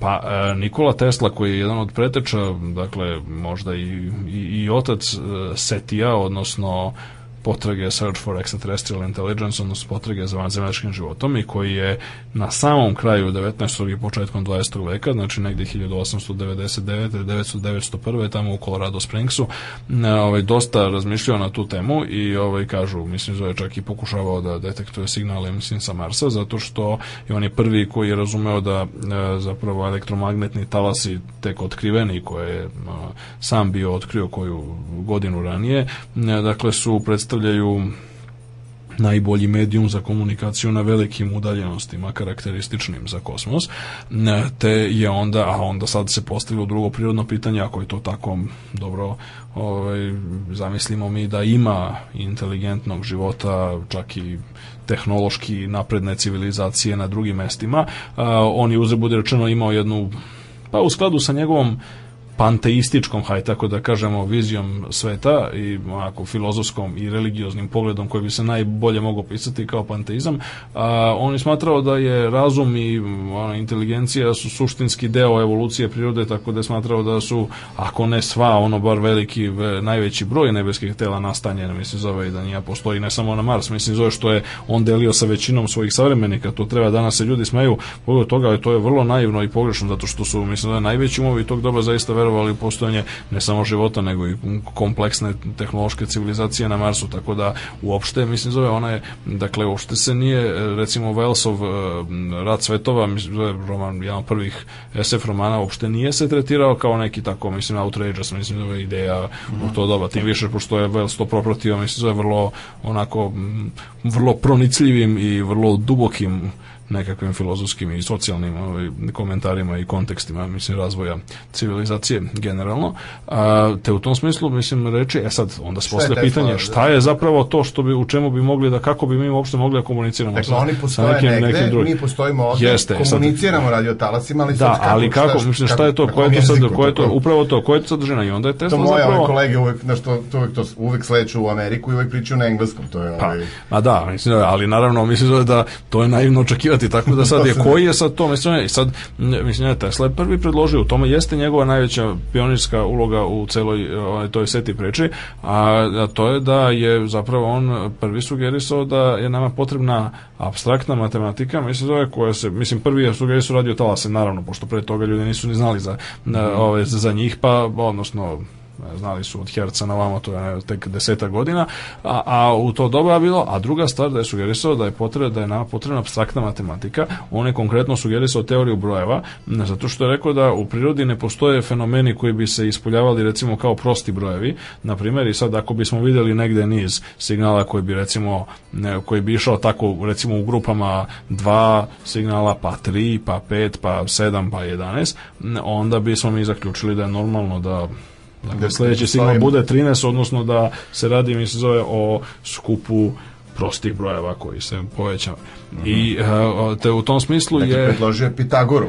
Pa, u, pa, pa u nekom smislu reči da. I to je onda i to je sad nastavak mislim da te iste priče. Znači ako mi verujemo sad opet uh, I kako onda optužiti Pitagoru da je bio ovaj, da je lud bio? A ne, dobro, slušaj, to su ga optuživali njegovi politički neprijatelji, ja da. sad to nema veze sa stvarnom ovaj. Ne, oni zaista, u nekom smislu, znači, opet kažem, u onom smislu u kome ono ličava to što ličava opet treba naglasiti, mi apsolutno ne znamo, mislim, to je šta je on lično učio, šta je on lično znao, ne, to je to je bila potpuna to je to je bila potpuna tajna i, i da, znači jedno, znači potpuno kao kao onako proizvod, ajde da kažemo kao simbol ove njegove cele škole, ne, on zapravo jeste apsolutno jedan od najznačajnijih likova u celoj znači ne, ne samo u istoriji nauke, nego u istoriji cele civilizacije.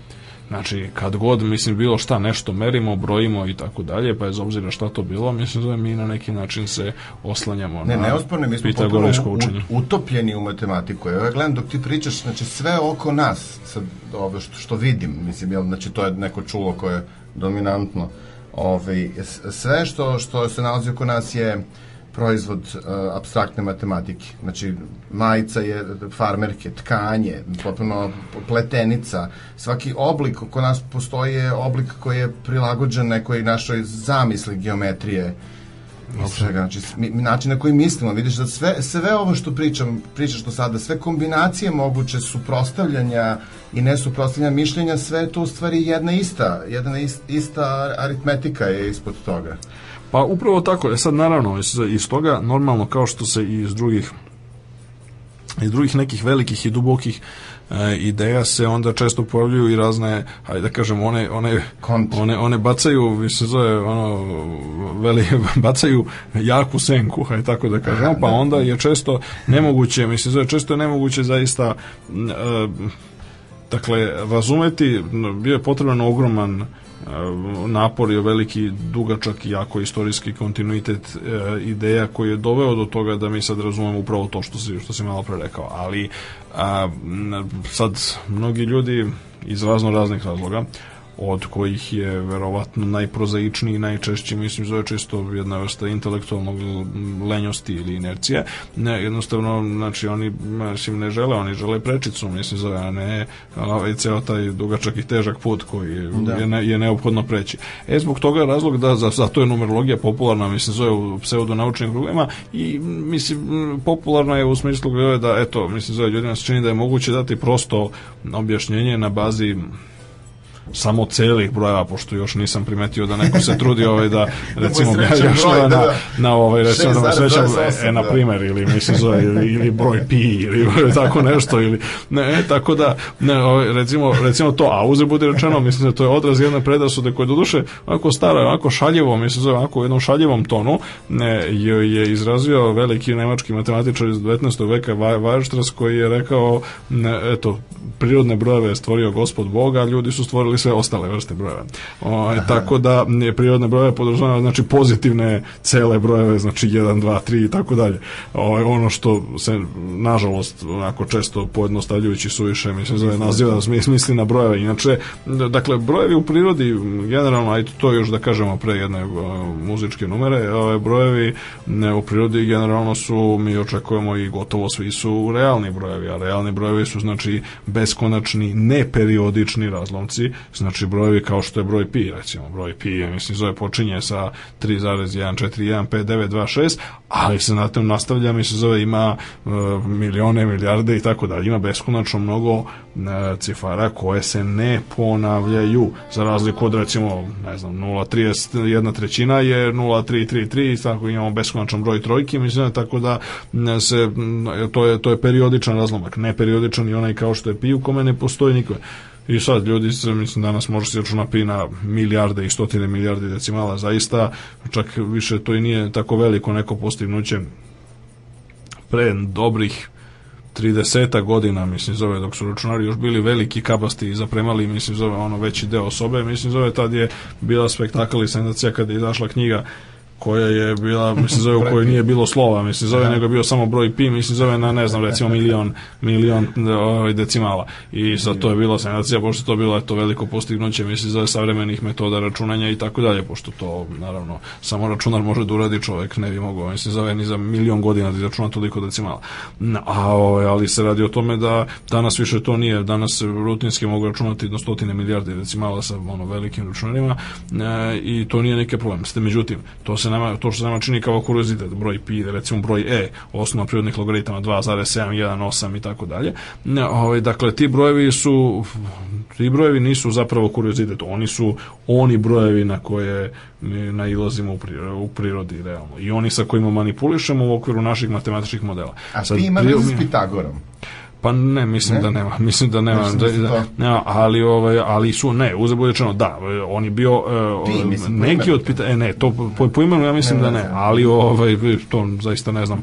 Ali je ali se radi o tome da su uh, među pitagorecima, neki međutim među poznim pitagorecima, ljudima kao što su zove bili Filolaj i drugi su, oni su zaista došli do nekakve do, do ideje o tome šta je to broj pi, mislim da i da je to neka čudan broj. Ne, Arhimed je bio prvi koji koji izračunao broj pi, mislim zove na malo ono, na, na, na više od ono, na dve decimale, možda i četiri, je bio prvi, on pripada već kasnom helenističkom dobu, a, ali pošto je živo radio na Siciliji, on je svakako bio, mislim zove, ajde da kažemo nekom smislu naslednik pitagorejskih učenja, a, kasnije su ljudi razumeli prirodu broja pi onako vrlo detaljno, ali e, broj pi je bio prvi irac, jedan od, nije bio prvi, ali jedan od prvih iracionalnih brojeva sa kojima se suočili, mislim, zove ljudi, civilizovani svet, da kažemo, organizovana nauka, a, pred njega je bio koren iz 2. Znači, kvadratni koren iz 2, znači broj 1,4, mislim, zove i tako da približno, je bio prvi e, broj koji je bio, kako bi to Grci rekli, nesamerljiv. I njega je otkrio jedan od poznih hip, Pitagorejaca, Hipaz iz Metaponta, koji je e, to otkriće prvo čuvao kao veliku tajnu, odnosno priča se kako je da je sad da su oni znali to i ranije, ali su čuvali kao veliku tajnu, a onda je Hibas bio kao prvi koji je to objavio, mislim, u nekom spisu i onda je to izvalo veliki, veliku uzbunu i ovaj, haos i dovelo je do nečega što istoričari nauke često nazivaju krizom antičke matematike, zato što ne, su ljudi tada verovali da, oni su verovali da svi brojevi, znači ili celi brojevi ili su odnosi celih brojeva, znači razlomci, odnosno danas bismo rekli racionalni, znači razlomci kao što su dve trećine, pet polovina, sedam petina i tako dalje. E sad, koren iz dva je bio prvi broj koji nije mogao da se predstaviti kao razlomak. Znači on ne može da se predstavi kao odnos nekakva dva broja. Mm -hmm. I on i njegove decimale se nikad ne ponavljaju i ima ih beskonačno mnogo, kao i broj pi. A, I sad taj koren iz 2 koji je zapravo bio za, za geometrijski nastrojene grke, to je bila dužina dijagonale kvadrata sa stranicom 1. Uh -huh. Znači, ako kvadrat ima stranicu, ako je kvadrat jedinične dužine, onda u, je, jeste, onda, mislim, zove se ispostavlja da će dužina hipotenuze biti, znači, koren iz 1 na kvadrat plus 1 na kvadrat, odnosno koren iz 2. E, sad, koren iz 2 ispostavilo se da taj broj je malo je nezgodan, pošto da. On ne može da ostvari te grčke ideale konačnosti, zaokrugljenosti, I jednostavnog pitanju, odnosa i tako dalje. Kateta koja je jedan, to je sad što zanimljivo, jedan je Jeste. jedan, baš početak. Upravo to. Mm -hmm. I onda je to, to je na neki način bio, mislim, zove, ajde da kažemo tako, prvi susret ljudi sa uh, realnim brojima, a ovaj kasnije se ispostavilo da, da pravo današnja matematika se po tome i razlikuje, savremena, znači i posebno, znači ta ajde da kažem, matematička fizika koja predstavlja ono o čemu smo realno govorili je zapravo se razlikuje po tome što ona operiše pre svega sa realnim brojem. Mi smatramo da priroda opisana dobro realnim brojima. Sad mi ne možemo njih nikad potpuno saznati, ali to je jedna ona vrsta redundantne informacije koja zapravo pokazuje da opet nekakve naivne definicije nauke kao nečega što se bavi ono, sakupljanjem sakupljanjem znanja i tako dalje su pogrešne pošto postoje znanja koja su očigledno, mislim, zove potpuno izlišna, a to su znanja, recimo, milijardite decimale broja pi, koja apsolutno, mislim, to je pravi primer informacija koja apsolutno ništa ne znači. Znači, broj pi formalno gledano nosi beskonačnu količinu informacija, beskonačno, da to je više od svega. Je samo u tome da, da, je beskonačno. Da, da, jeste, ali se radi o tome da, da jednostavno ta, ta dublje, mislim, to je, recimo... Tako je, dobro, izvini, strašno je lepa i jasna slika E, nepostojanja kraja bro, decimala u broju pi i, i kružnice. Jeste, to je, jeste, te, zato stvari su zaista Tačno, zato što zato što slažu. kružnica nastaje kad mi uzmemo pa povećamo broj stranica nekakvog nekakvog nekakvog Tako mnogo ugla i to je prvi to je zapravo Arhimed mislim da je prvi učio, znači da je mnogo da ugao. znači mnogo ugao sa što više strana sad Arhimed mnogo, da bi da bi da bi izračunao broj pi on je zapravo ugurao krug između jednog velikog, jednog opisanog, jednog upisanog mnogo ugla i onda ih je postepeno približavao, mislim da Bitcoin, onda na taj način je, i na taj način je zapravo izračunao broj pi i dao taj prvi algoritam za računanje broja pi, jako neefikasan, kasnije su ljudi ovaj, a, a sve kreću trougla, u stvari jednog.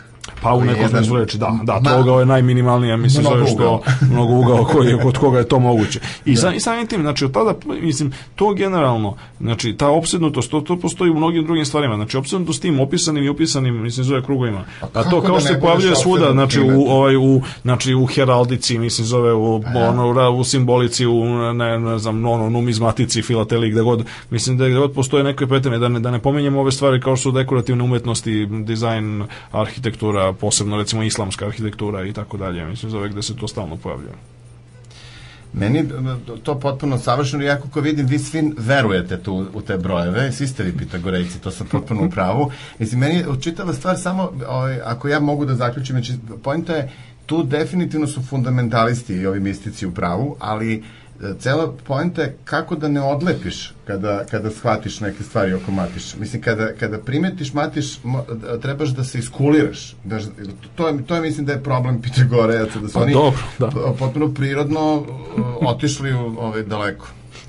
O, evo sada jedne čiste matematike, znači ovo, po, po teoriji o, matematike i nauke je muzika u stvari samo niz vibracija vazdušnih talasa koji se mogu o, opisati. Samo ova pesma se zove Galileo. Aha.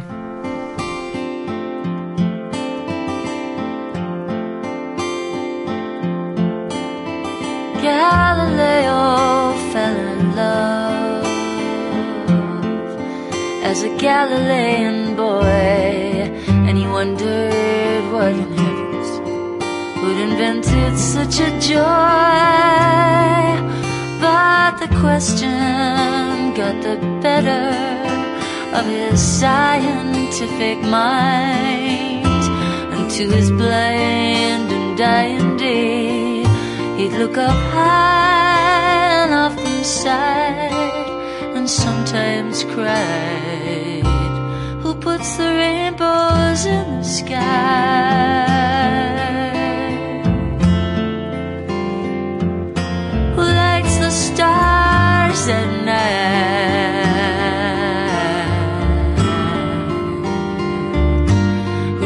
Someone so divine?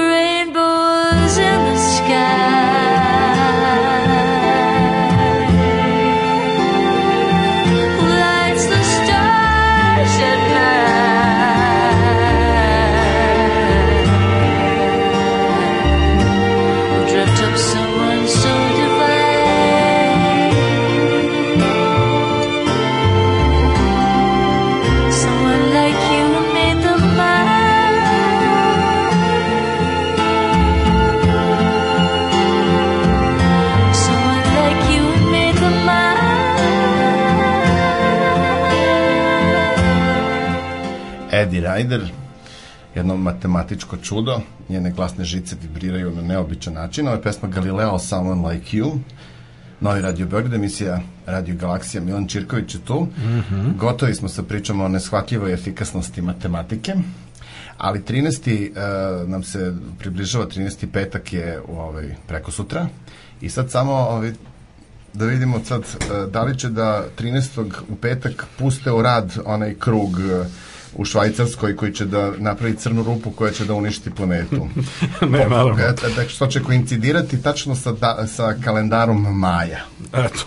E, pa dobro, do kalendara Maja, ja mislim imamo još ono tri godine, vrte, ili tako nešto, ali u svakom slučaju, dakle, opasnost od toga ne postoji, pošto kako je saopšteno juče, to jest u utorak, 10. februara, dakle, ponovo se odlaže puštanje u rad LHCA i to je znači novo odlaganje znači za taj najveći do sada izveđeni akcelerator. A, kako stoje sada stvari? Ne znam, očekivalo se da će biti pušten u rad ovog proleća. To se postaje dosta dakle, duhovito. O, jeste, pa mislim sad... Posle kažu naučnici da nisu duhoviti. Ovaj, kako sad stvari stoje, ja mislim zove počinje u septembru. Znači, generalni Aha. direktor CERNA, gospodin po imenu Rolf Hauer, je dao izjavu, evo baš na specijalnoj konferenciji za štampu, dakle da kako stoje stvari će znači popravke i ovaj, još provere i tako dalje. Mislim da je dakle obezbeđenje da se ne dođe do novih kvarova, novih problema i tako dalje. Potrebaće više nego što se očekuje. Oni su prvi ispravo očekivali da će to biti ono šest nedelja, pa Ovaj pa onda je pa onda se to nešto produžavalo, mislim pa je bilo prvo proleće, pa je onda bilo rani bilo je prvo kasni jun, pa jul i tako dalje, a ovaj kako sad stvari stoje uprko svim tim velikim fanfarama koje su bile i jesenas nažalost, mislim, zove više ako motivisane političkim nego naučnim razlozima, ovaj, kako sad stvari stoje, mislim, zove ceo ceo taj ovaj, Koincidira se sa ulaskom Srbije u Evropu po, po ministru Đeliću. Znači tu Pa, otprilike taj da plan se- ide zajednički. Pa, s obzirom da je Za ministar, šest nedelja. ministar Đelić je išao tamo na to otvaranje koje se ispostavilo kao lažno otvaranje, tako on je da, tu karmu ne, preneo tako da ja to, ne da. znam sad da li to ima neke veze ili nema, ali, ovaj, ali vidjet ćemo tek uglavnom kako stoje stvari. Mm, Dakle, mm, u septembru će po najnovijom, naj, najnovijoj verziji, mislim da će biti ogroman, znači 27 kilometarski ovaj, akcelerator pušten u rad. A, što se tiče cene odlaganja, kako stoje stvari, oni izgleda da zvanična, zvanična cifra jeste da popravke koje se obavljaju koštaju, mislim, za oko 35 miliona švajskih franaka, a, ali je vrlo verovatno i podozreva se zapravo da je cena mnogo veća. Sad naravno ovaj, to oni ne saopštavaju kolika je zapravo cena samog odlaganja, mislim da je što je takođe relativno jedna problematična i ovako propagandna karakteristika zato što se dobro zna da kod takvih mašina, posebno onih koji imaju ograničen rok trajanja kao što je slučaj sa akceleratorima, zapravo ha, da ne kažem svaki sekund, ali ono svaki minut i svaki radni sat mislim zove košta. A zašto im je ograničeno, izvini? E, Ako još nije počeo da radi, ne E, znam šta je pa ne, ok, mislim, zato što, mislim, koncipiraju se, sad ima, ima više razloga za to, zato što u suštini e, eksperimenti se tako koncipiraju da oni traju, mislim, zove, recimo, neki period 5-10 godina i tako dalje, koliko se predvidi, mislim, zove, da je potrebno, recimo, vremena da bi se akumulirao određen broj događaja i tako dalje. A, Mhm. Aha, već da postoji veliki... tehnološki rad, Pa verovatno postoji zato što frižider, ne, ne postoji zato što održavanje mislim da jednostavno održavanje košta i održavanje permanentno košta pa sad možda košta manje Marija manje dok je mare, manje dok je na stand-byu mislim zove a mislim više dok je aktivan ali svejedno da košta Da, da. A, i pogotovo kad se radi da. o uređaju koji mislim dok radi posebno dok radi mislim zove on ipak ne samo što troši ogromnu količinu stroja, već mislim već jednostavno i ne sve one stvari koje su ohlađene do temperature superprovodnosti bliske Mhm. apsolutno nuli moraju da se drže hladnim i tako dalje i tako bliže. Mm, A na kraju krajeva ima još jedan faktor, mislim, zove tu su ipak zaposlene desetine hiljada ljudi, mislim, zove i sad desetine hiljada ljudi primaju plate i, i tako dalje, tako da sve u svemu cena dosadašnja, mislim, opet vredi ponoviti, mislim, za ovog projekta za koji, hajde da se nadamo da se neće biti još jedan od onako skupocenih ovaj, belih slonova u, u istoriji nauke i tehnologije, dosadašnja cena je, mislim, zove negde oko 8,5 milijardi dolara, a sad da li će to nastaviti da se uvećava i u buduće. A je li vezano za švajcarski franak ili... Pa obično, naj, obično pošto je jeli, cen tamo, mislim zove gde je, u, to jest u Ženevi zvanična administracija, obično oni sve cene zaista izražavaju švajcarskim francima, sad da li to ima neke veze sa tim fluktuacijama kursa ili ne, to, to ne znamo, mislim, zove zaista.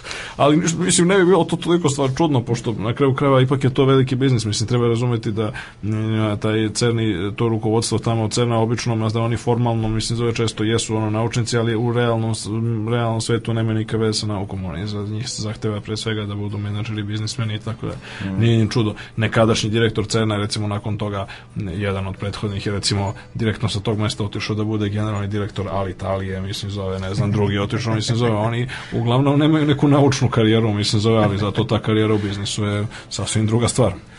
Ovaj što se tiče drugih vesti, aj sad na neke Dakle, mi lepše vesti. ušli u, u, u rubriku vesti. Naravno. Dakle, ono što, što Naravno. što na početku uradimo, ali sad da se ne izdrž držao tog. Naravno, pet ali ovaj ali mislim zove sad hajde mi zove neke ono dve lepše vesti. A, jedna je ovako koja se tiče dakle tehnologije fizike, a boga mi i biofizike, a to je objavljena u sadašnjem novom zapravo ovo nedeljnom a, o- ovo nedeljnom broju Physical Review Letters, odnosno to je znači rubrika hajde da kažemo nekad bila samo rubrika pisma u najprestižnijem časopisu iz fizike na svetu Physical Review, a sad je i zasebni časopis i smatra se generalno jednim od najprestižnijih koji se bave opšte, znači koji nisu specijalizovani samo za jednu ili drugu oblast. E, jedna ekipa na čelu sa Janom Mercerom sa University College u Dublinu u Irskoj je zapravo se bavila ispitivanjem jednog jako komplikovanog proteina koji nosi zvanični naziv LH2 i koji je e, vrlo značajan za fotosintezu kod biljaka i on je e, oni su naime molekule tog ekstremno ekstremno velikog proteina osvetljavali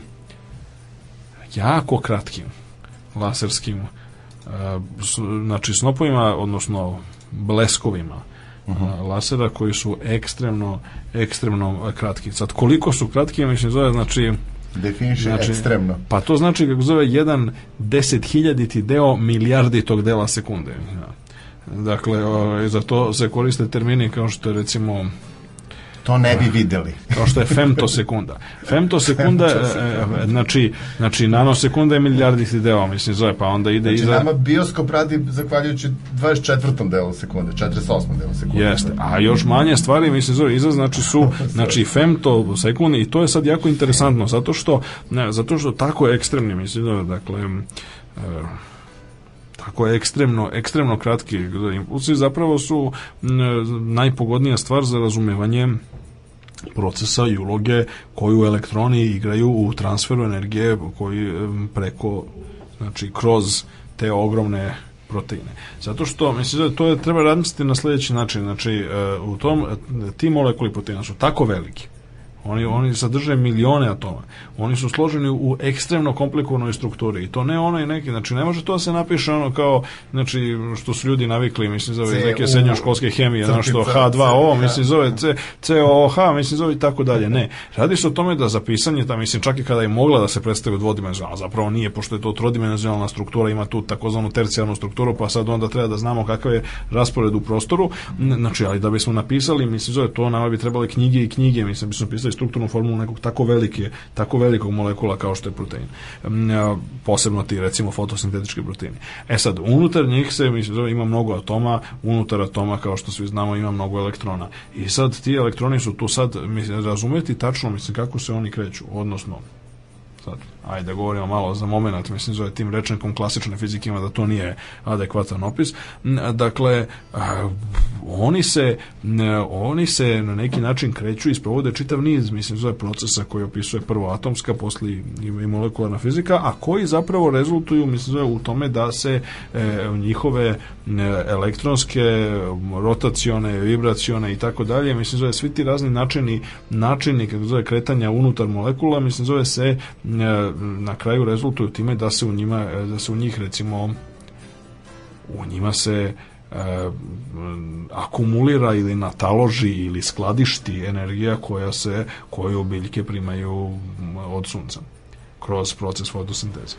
I, e, I ono što je e, obvisi sad na, egzaktni detalji tog procesa nama nisu jasni iz vrlo prostog razloga što je mnogo teško razumeti mislim zove kako se recimo ono 10 miliona elektrona kreće mislim zove unutar tako ogromnog molekula.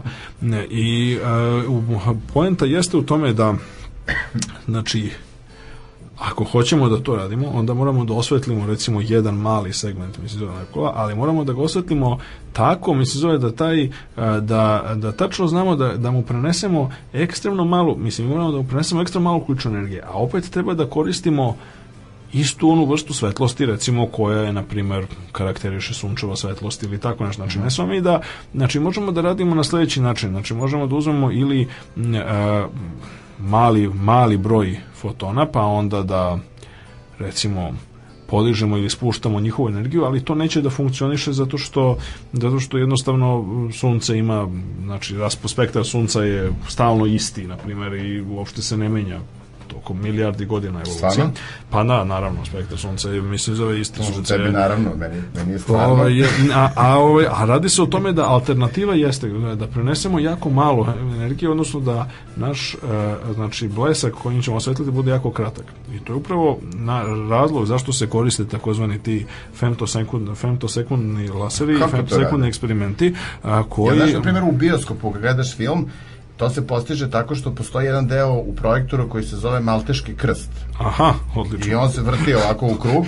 Da nisu to izmislili malteški vitezovi. Da, da, ozbiljno, to je baš i krst u pitanju metal koji, koji u jednom trenutku tebi u 48. delu e, sekunde zatvori proje- projektor i onda je u bioskopu potpuni mrak. I onda ti se otvori onaj deo između dva kraka krsta kada vidiš e, svetlo. I to se tako kruži tom brzinom da ti to, po, kako postignu kako si rekao, ti deo Znači, mi- milioni... znači ok, 100 femtosekundi. Znači, uh, znači u principu 100, mislim da znači femtosekunda, uh, ok, ide ovako, mislim zove nano je milijarditi deo, piko je uh, bilioniti deo, a femto je znači onaj bilijarditi što bi Još tri zapravo nule. trebalo da bude, jeste.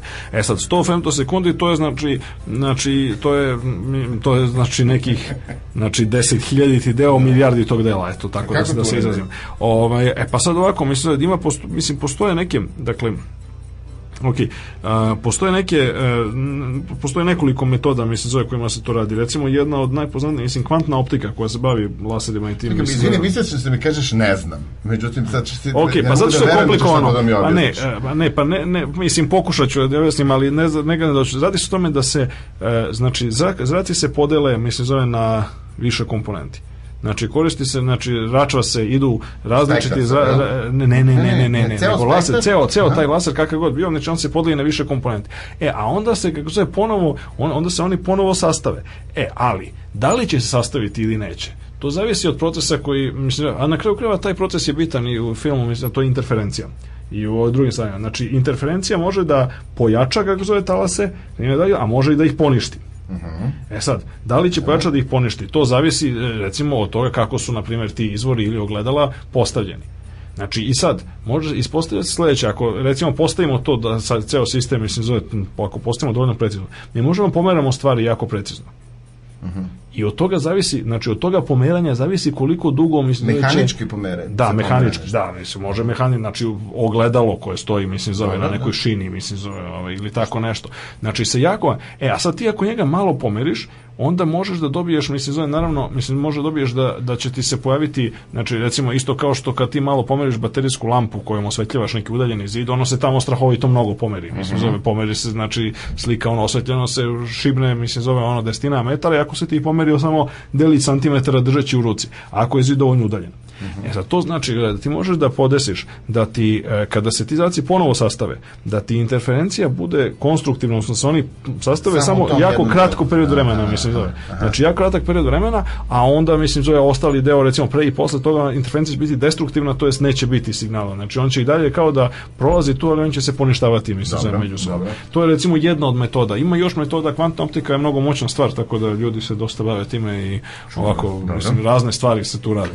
Ne, ovaj, tako da to je iz- između ostalog, znači ovaj, ovaj metod koji je sad objašnjen i mislim taj pristup može da nam objasni u suštini na koji način se energija skladišti u recimo u proteinima tokom fotosinteze. E, a e, to nas dovodi istovremeno i do treće vesti za danas. A za nje, to je da fotosinteza je jako bitna za nas iz mnogo razloga, a fotosinte pre svega zbog toga što ona stvorila sav ovaj kiselnik koji udišemo.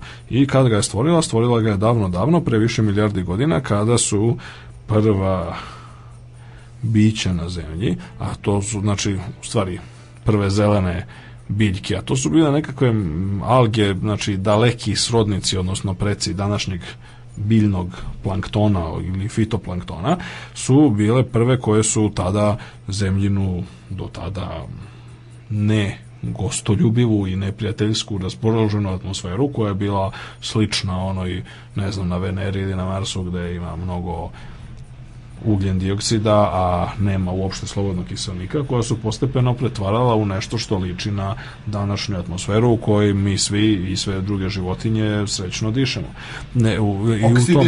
I u tom smislu taj proces fotosinteze je bio ključna stvar, mislim, zove. naravno on je bio jednostavniji nego što je kasnije kod složenijih biljaka i tako dalje, to su ipak bila neka od prvih organizama, ali pošto ih je bilo dovoljno mnogo i pošto oni razmnožili po površini, pre svega po, po površinskom sloju svetskih okeana, onda je to bilo bilo Masovna moguće da dođe do tako velike, jer činjenica jeste da toliko veliki procent kiselnika kakav postoji u zemljinoj atmosferi, to je nezamislivo prosto bez života. Kada bi život nestao na zemlji, onda bi se taj kiselnik relativno brzo u geološkom smislu bi se vezao u tlo i nestao bi slobodnog stanja. E sad, naravno, šta je sad ljudi onda kažu? Pa okej, Dakle, m, fotosinteza je nekada, znači te biljčice su živele i onda su koristile sunčevu svetlost i, raz, i razgrađivale su ugljen dioksid, a vraćale su kiseonik u atmosferu i time su učinile zemlju na stanjine. E sad, da li mogu kao što kaže pomalo sensacionalistički naslov ove vesti, e, ovaj, da li mogu alge da ponovo ovaj, spasu svet ovaj, u tom nekom smislu. E pa sad, znači, poenta jeste da su objavljeni neki novi nalazi koji se tiču pretvaranja algi u, što bi rekli, pa ne baš naftu, ali nešto najsličnije tome, mislim da je to jest znači ulje koje može da se ulje biljnog porekla koje međutim može da se sagoreva, odnosno da se pretvara u biodizel i mislim zove razna znači bio, bio kerozin, bio avionsk, avionska goriva i naravno plastične proizvode. I sad šta je tu bitno? Pa tu je bitno, mislim da je to da mi znači operišemo sa, praktično vezujemo sunčevu svetlost na onaj način na koji se to dešavalo tokom miliona godina kada su nastajala fosilna goriva, što su one šume koje su bile u karbonu, devonu, permu, trijasu, juri, kredi i svim ostalim geološkim epohama, koje su postale ovo što mi danas znamo kao nafta i tako je. E sad nama treba nešto što je brže i efikasnije i to su nove vrste algi koje dobijamo raznim manipulacijama, biotehnologijama i slično. I u skladu sa tim, mislim, zove znači razvijanje biogoriva iz algi, je kako sad stvari stoje, mislim, zove krenulo dosta ovako ozbiljno. E, po ova, e, okeanografska laboratorija u Plimutu u Velikoj Britaniji je zapravo izdala, izdala sad ove nedelje jedan izveštaj ne, ovaj, u kome bi mislim, u kome oni tvrde da znači proizvodnja biodizela i drugih biogoriva iz algi efikasna i je zato što e, pokazuje se da pod određenim uslovima, znači određene vrste, određene sorte, mislim zove algi mogu da ne, mogu da rastu po masi negde između 20 i čak 30 puta brže nego što rastu recimo poljoprivredni proizvodi kao što su pšenica, kukuruz i slično koji nam obezbeđuju hranu nama i životinjama, nama pre svega. Znači ono što je nama bitno jeste da znači brzina rasta. Znači dok poljoprivredno ove biljinima treba cela sezona kao što znamo, znači sunce, vlaga, sve ostalo što treba, mislim da je zato da bi se povećala njihova biomasa, odnosno da bi se ugradile te materije korišćenjem sunčeve svetlosti kroz fotosintezu da bi se ugradile ono što je potrebno. E sad, uh, nama treba, mislim, zove nešto što je mnogo brže, ako je efikasnije, ako ćemo da proizvodimo gorivo. Iz toga, te u tom smislu mislim da je znači kako stoje stvari, mislim da je a, brzina koja mogu da se uzgajaju nove uh -huh. vrste algije od ključnog značaja i sad ako je to zaista tako, mislim zove, znači ranije se koristilo uvek nekakav uporedni e, koristio se nekav uporedni znači praktično se poredila efikasnost nastanka biodizela sa efikasnošću nastanka poljoprivrednih hrane koja se koristi za poljoprivredne znači ono poljoprivredne hrane pa onda je to razlog zašto se smatralo da to baš i nije tako velika perspektiva kako se činilo zbog toga što jednostavno to je suviše sporo, zahteva mnogo veliku površinu i tako. Ako je ovaj um, izveštaj koji je objavljen prošle nedelje ispravan, onda nam to ukazuje da, dimenzija, da. to ukazuje da mislim može da se mnogo što uradi i kako stoje stvari mislim da sad se planira čitav niz znači širom sveta. A, u Japanu, u Brazilu u Sjedinjenim državama se koristi ima nekoliko projekata. Na primjer Japan ima čak ovaj Japan Airlines odnosno JAL ovaj avionska kompanija. Mislim ima projekat kao pokušaja da se iz alge izdvoje one, one alge koje bi bile u stanju da, da, da izvaju baš avionsko gorivo. Hm. Avionske alge, da, oni imaju, tamo nemaju pustinje sa naftom, ali imaju Pacifik, mogli bi da uzgajaju to. Dobro, za globalno zagrevanje zauzmi položaj. Znači, za globalno zagrevanje zauzmi stav i znači 1, 2, 3, 4, 1, 2, 3, 4, 1, 2, 3,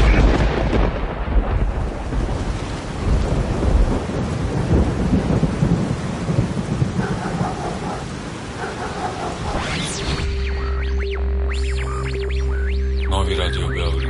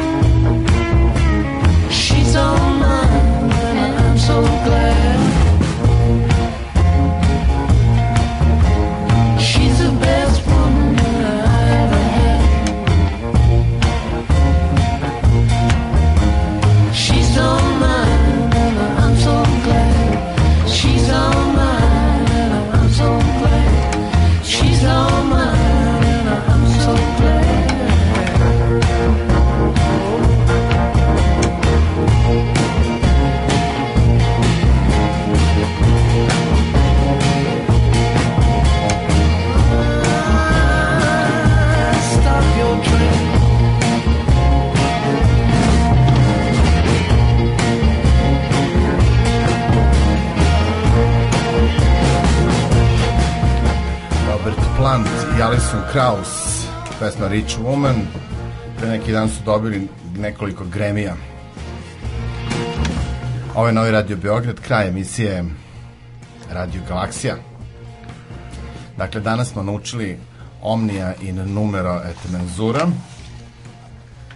I Tera, šta kako, kako je sad Milan Čirković vam predstavlja knjigu. A, okej. E, sad, ovaj, dakle, danas govorimo, opet idemo s kraja na kraj sveta, danas idemo u Meksiko, dakle, i govorimo o apsolutno i bez presedana najvećem meksičkom piscu i jednom od najvećih živih srećom pisaca, a to je Carlos Fuentes. Carlos Fuentes i njegov roman Terra Nostra. E, Carlos Fuentes je čisto da kažemo par reči o njemu, rođen 1928. znači već ovako u prirodnim, solidnim godinama, ovako, ali se dosta dobro drži koliko se primećuje ovako bar po relativno šturim, nažalost, ovaj, vestima koje mogu da se pronađu na webu, barem van španskog govornog područja, tu smo, na, nažalost, nažalost sam lično ograničen, ali ovaj, pošto ne čitam španski, ali ovaj, koliko vidim on i dalje onako uživa u penziji, drži predavanja, piše po nešto, uglavnom neke eseističke stvari. E, inače, vrlo interesantna ličnost. Dakle, e, rodio se znači 28. godine veći deo ove druge polovine 20. veka je bio njegov period aktivnog rada već negde 1940. godina počeo je da piše, a negde, međutim došao je do pravog onako breakthrougha, odnosno pravog prodora 1962. kada je objavio roman Smrt Artemija Kruza koji je relativno nedavno pre par godina preveden i na naš jezik. A, Fuentes je, čisto to napomenemo, bio iz ovako poticao iz višeg slojeva meksičkog društva. On je dakle, njegov otac je bio meksički ambasador u, mno, u brojnim zemljama i on je sam tako reći nastavio, mislim zove tu neku tradiciju što pošto se e, jedno vreme je radio i kao diplomata, m, bavio se recimo bio je ataše za štampu u Ministarstvu spoljnih poslova, bio je šef odseka za kulturnu saradnju Meksika i tako dalje. Imao je čitav niz, mislim, da političkih funkcija, tokom e, kojih je uglavnom tokom 60. godina kada je napisao najveća dela živo u Evropi, to uglavnom u Francuskoj, i znači, ta njegova dela, znači smrt Artemija Kruza, pa onda Aura, isto i 62. godine, e, čitav niz, mislim, drugih stvari koje su otprilike, znači, negde do najvećeg dela dakle Terra Nostra romana Terra Nostra iz 1975. O, imao, je, imao je čitav niz drugih stvari, mislim zove, znači sve to mesto, vreme za umiranje, čitav niz drugih romana, pisao je između ostalog i scenarija za filmove, pisao je drame, e, pisao je razne eseje i uopšte vrlo često jedan je od ako najangažovanijih intelektualaca Latinske Amerike po brojnim pitanjima. Pisao je komentare za više uglednih latinoameričkih časopisa i naravno pisao je znači eseje o knježevnosti, jedan od naj poznatijih i najinteresantnijih eseja koji otkriva u kojoj meri je i on kao i svi drugi latinoamerički pisci, posebno te velike latinoameričke revolucije, zapravo dužnik Jorge Luisa Borgesa nosi ovako zabavan naziv i jako lepim stilom je napisan Borges u akciji. E, a, a sad, znači, o Terra Nostri je jako teško govoriti, pošto je to jedan enciklopedijski roman u pravom smislu te reči. On je i kod nas izdat u dva toma. To je jedno jako lepo izdanje koje po antikvarnicama može da se pronađe. To je bila edicija hispanoamerički roman u dva toma. Ovo je bila, ako se ne varam, e, omoti su prve, prvo kola su bili žućkaste, žu- žućkaste krem boje, a omoti drugog kola su bili nebesko plave, svetlo plave boje i Terra Nostra izašla u drugom kolu, sad, sad ćemo vidjeti tačno i kada, to sam ja zaboravio, znači original je 1975. a srpsko izdanje je nije kasnilo mnogo, 1985. izašlo je u potpuno šokantnom za ovo naše vreme, ovo postratovsko vreme i tiražom od 8800 primjeraka što je, mislim, zaista, što je verovatno jedan od razloga zašto i dalje po antikvarnicama bare može da se pronađe. Svakako preporučujem ovu knjigu, mada je ona jedna od one vrste knjiga koja koju je moguće čitati od početka do kraja naravno, ali ne nužno preporučljivo jer poput svog ovaj, sabrata, hajde tako da kažemo, po latinoameričkoj književnoj revoluciji Kortasara i njegovog romana Školice. I kod Terra Nostre, koja je možda još i više od toga, mislim da ima taj jedan mozaički pristup stvarima, pošto se tu dešava o nekoliko radnji e, u najrazličitijim epohama, na najrazličitijim mestima, sa mnogo likova, nekakva osnovna, on na kraju čak i daje na kraju e, romana ima čak i dramatis persone, što bi se reklo, odnosno ima spisak svih likova kao i po redu i po kome, znači kojim, kojom od e, grana e, radnje se e, pripadaju, a ono što je, mislim, osnovna neka potka jeste da je on zapravo hteo prikaže čitavu znači sponu latinoameričke i evropske, pre svega mediteranske kulture.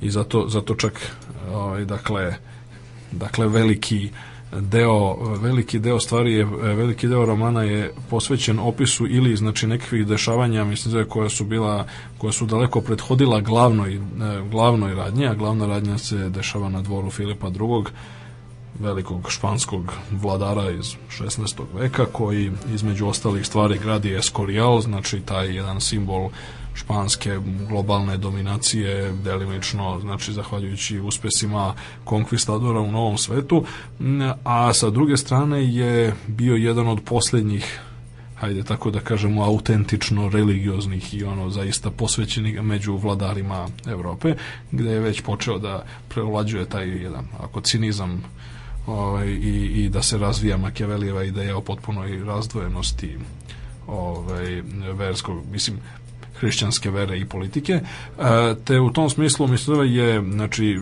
Filip II ili gospodar Felipe kako se ovaj, kako se obično obično ovaj, ovde pisuje, on prolazi kroz tako neke razne faze. Istovremeno njegova vojska vodi rat protiv eh, holandskih pobunjenika, pa onda oni između ostalog u jednoj epizodi donose mu zagonetnu sliku koju su zaplenili u Holandiji, sad koje on uspeva da razja, razjasni, pa sad tu on sad, ne znam se da li sanja ili ne, pa on je kao u toj slici, a to je zapravo slika Hieronymusa Boša, e, i po, jeli, koja je sama po sebi predstavlja, predstavlja jednu od ovako velikih misterija istorije umetnosti.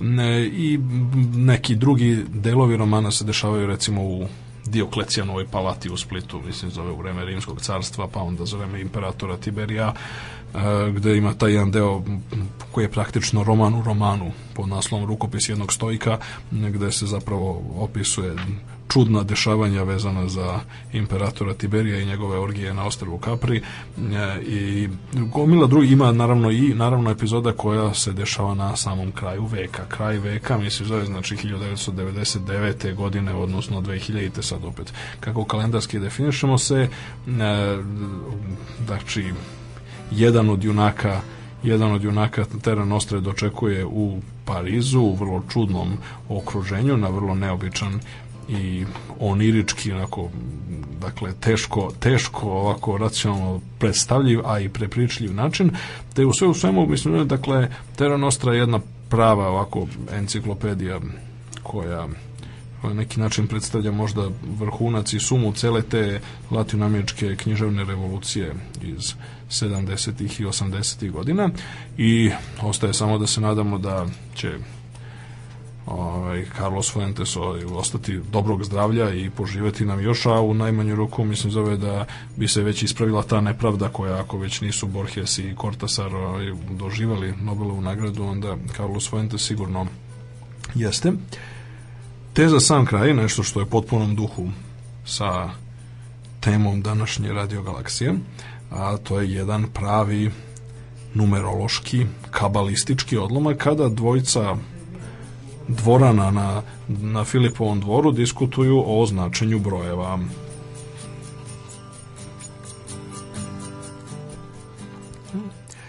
Jutro sam prevodio kabalistu Ibn Gabirola i on kaže Jedinstvo nije koren svega, pošto jedinstvo nije ništa drugo do jedna forma, a sve je istovremeno i forma i materija.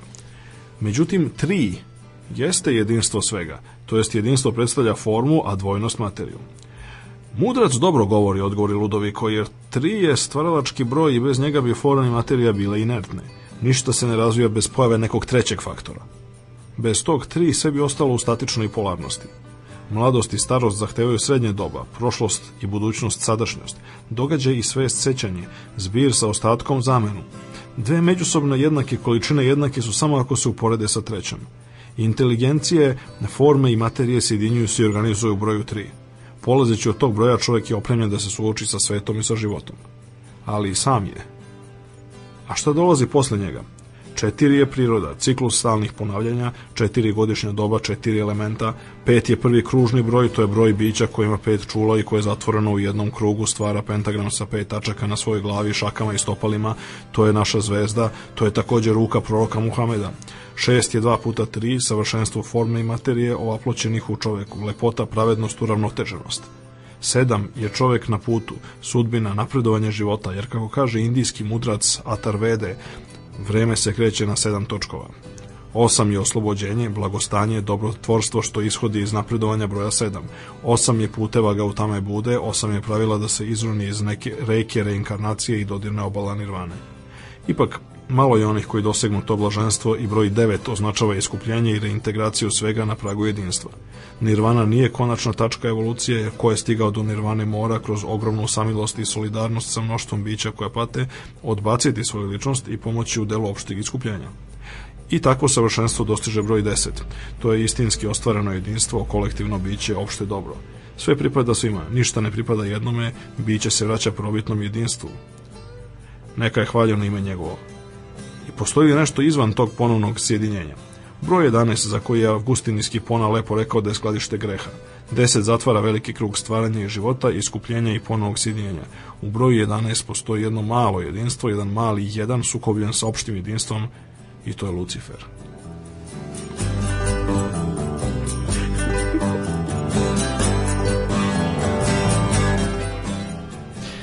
Danas je 11. februar 2009. godine. Vi ste slušali Radio Galaksiju na Novom Radio Beograd. Uživali ste u znanju i ukusu Milana Čirkovića. Čujemo se sledeće nedelje.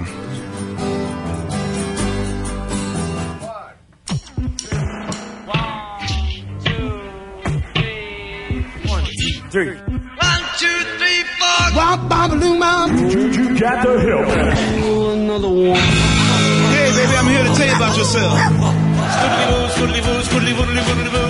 Oh, I get it. One, two, one, two, three.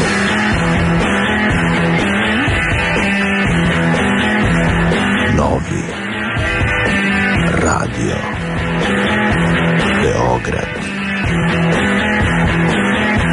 Početak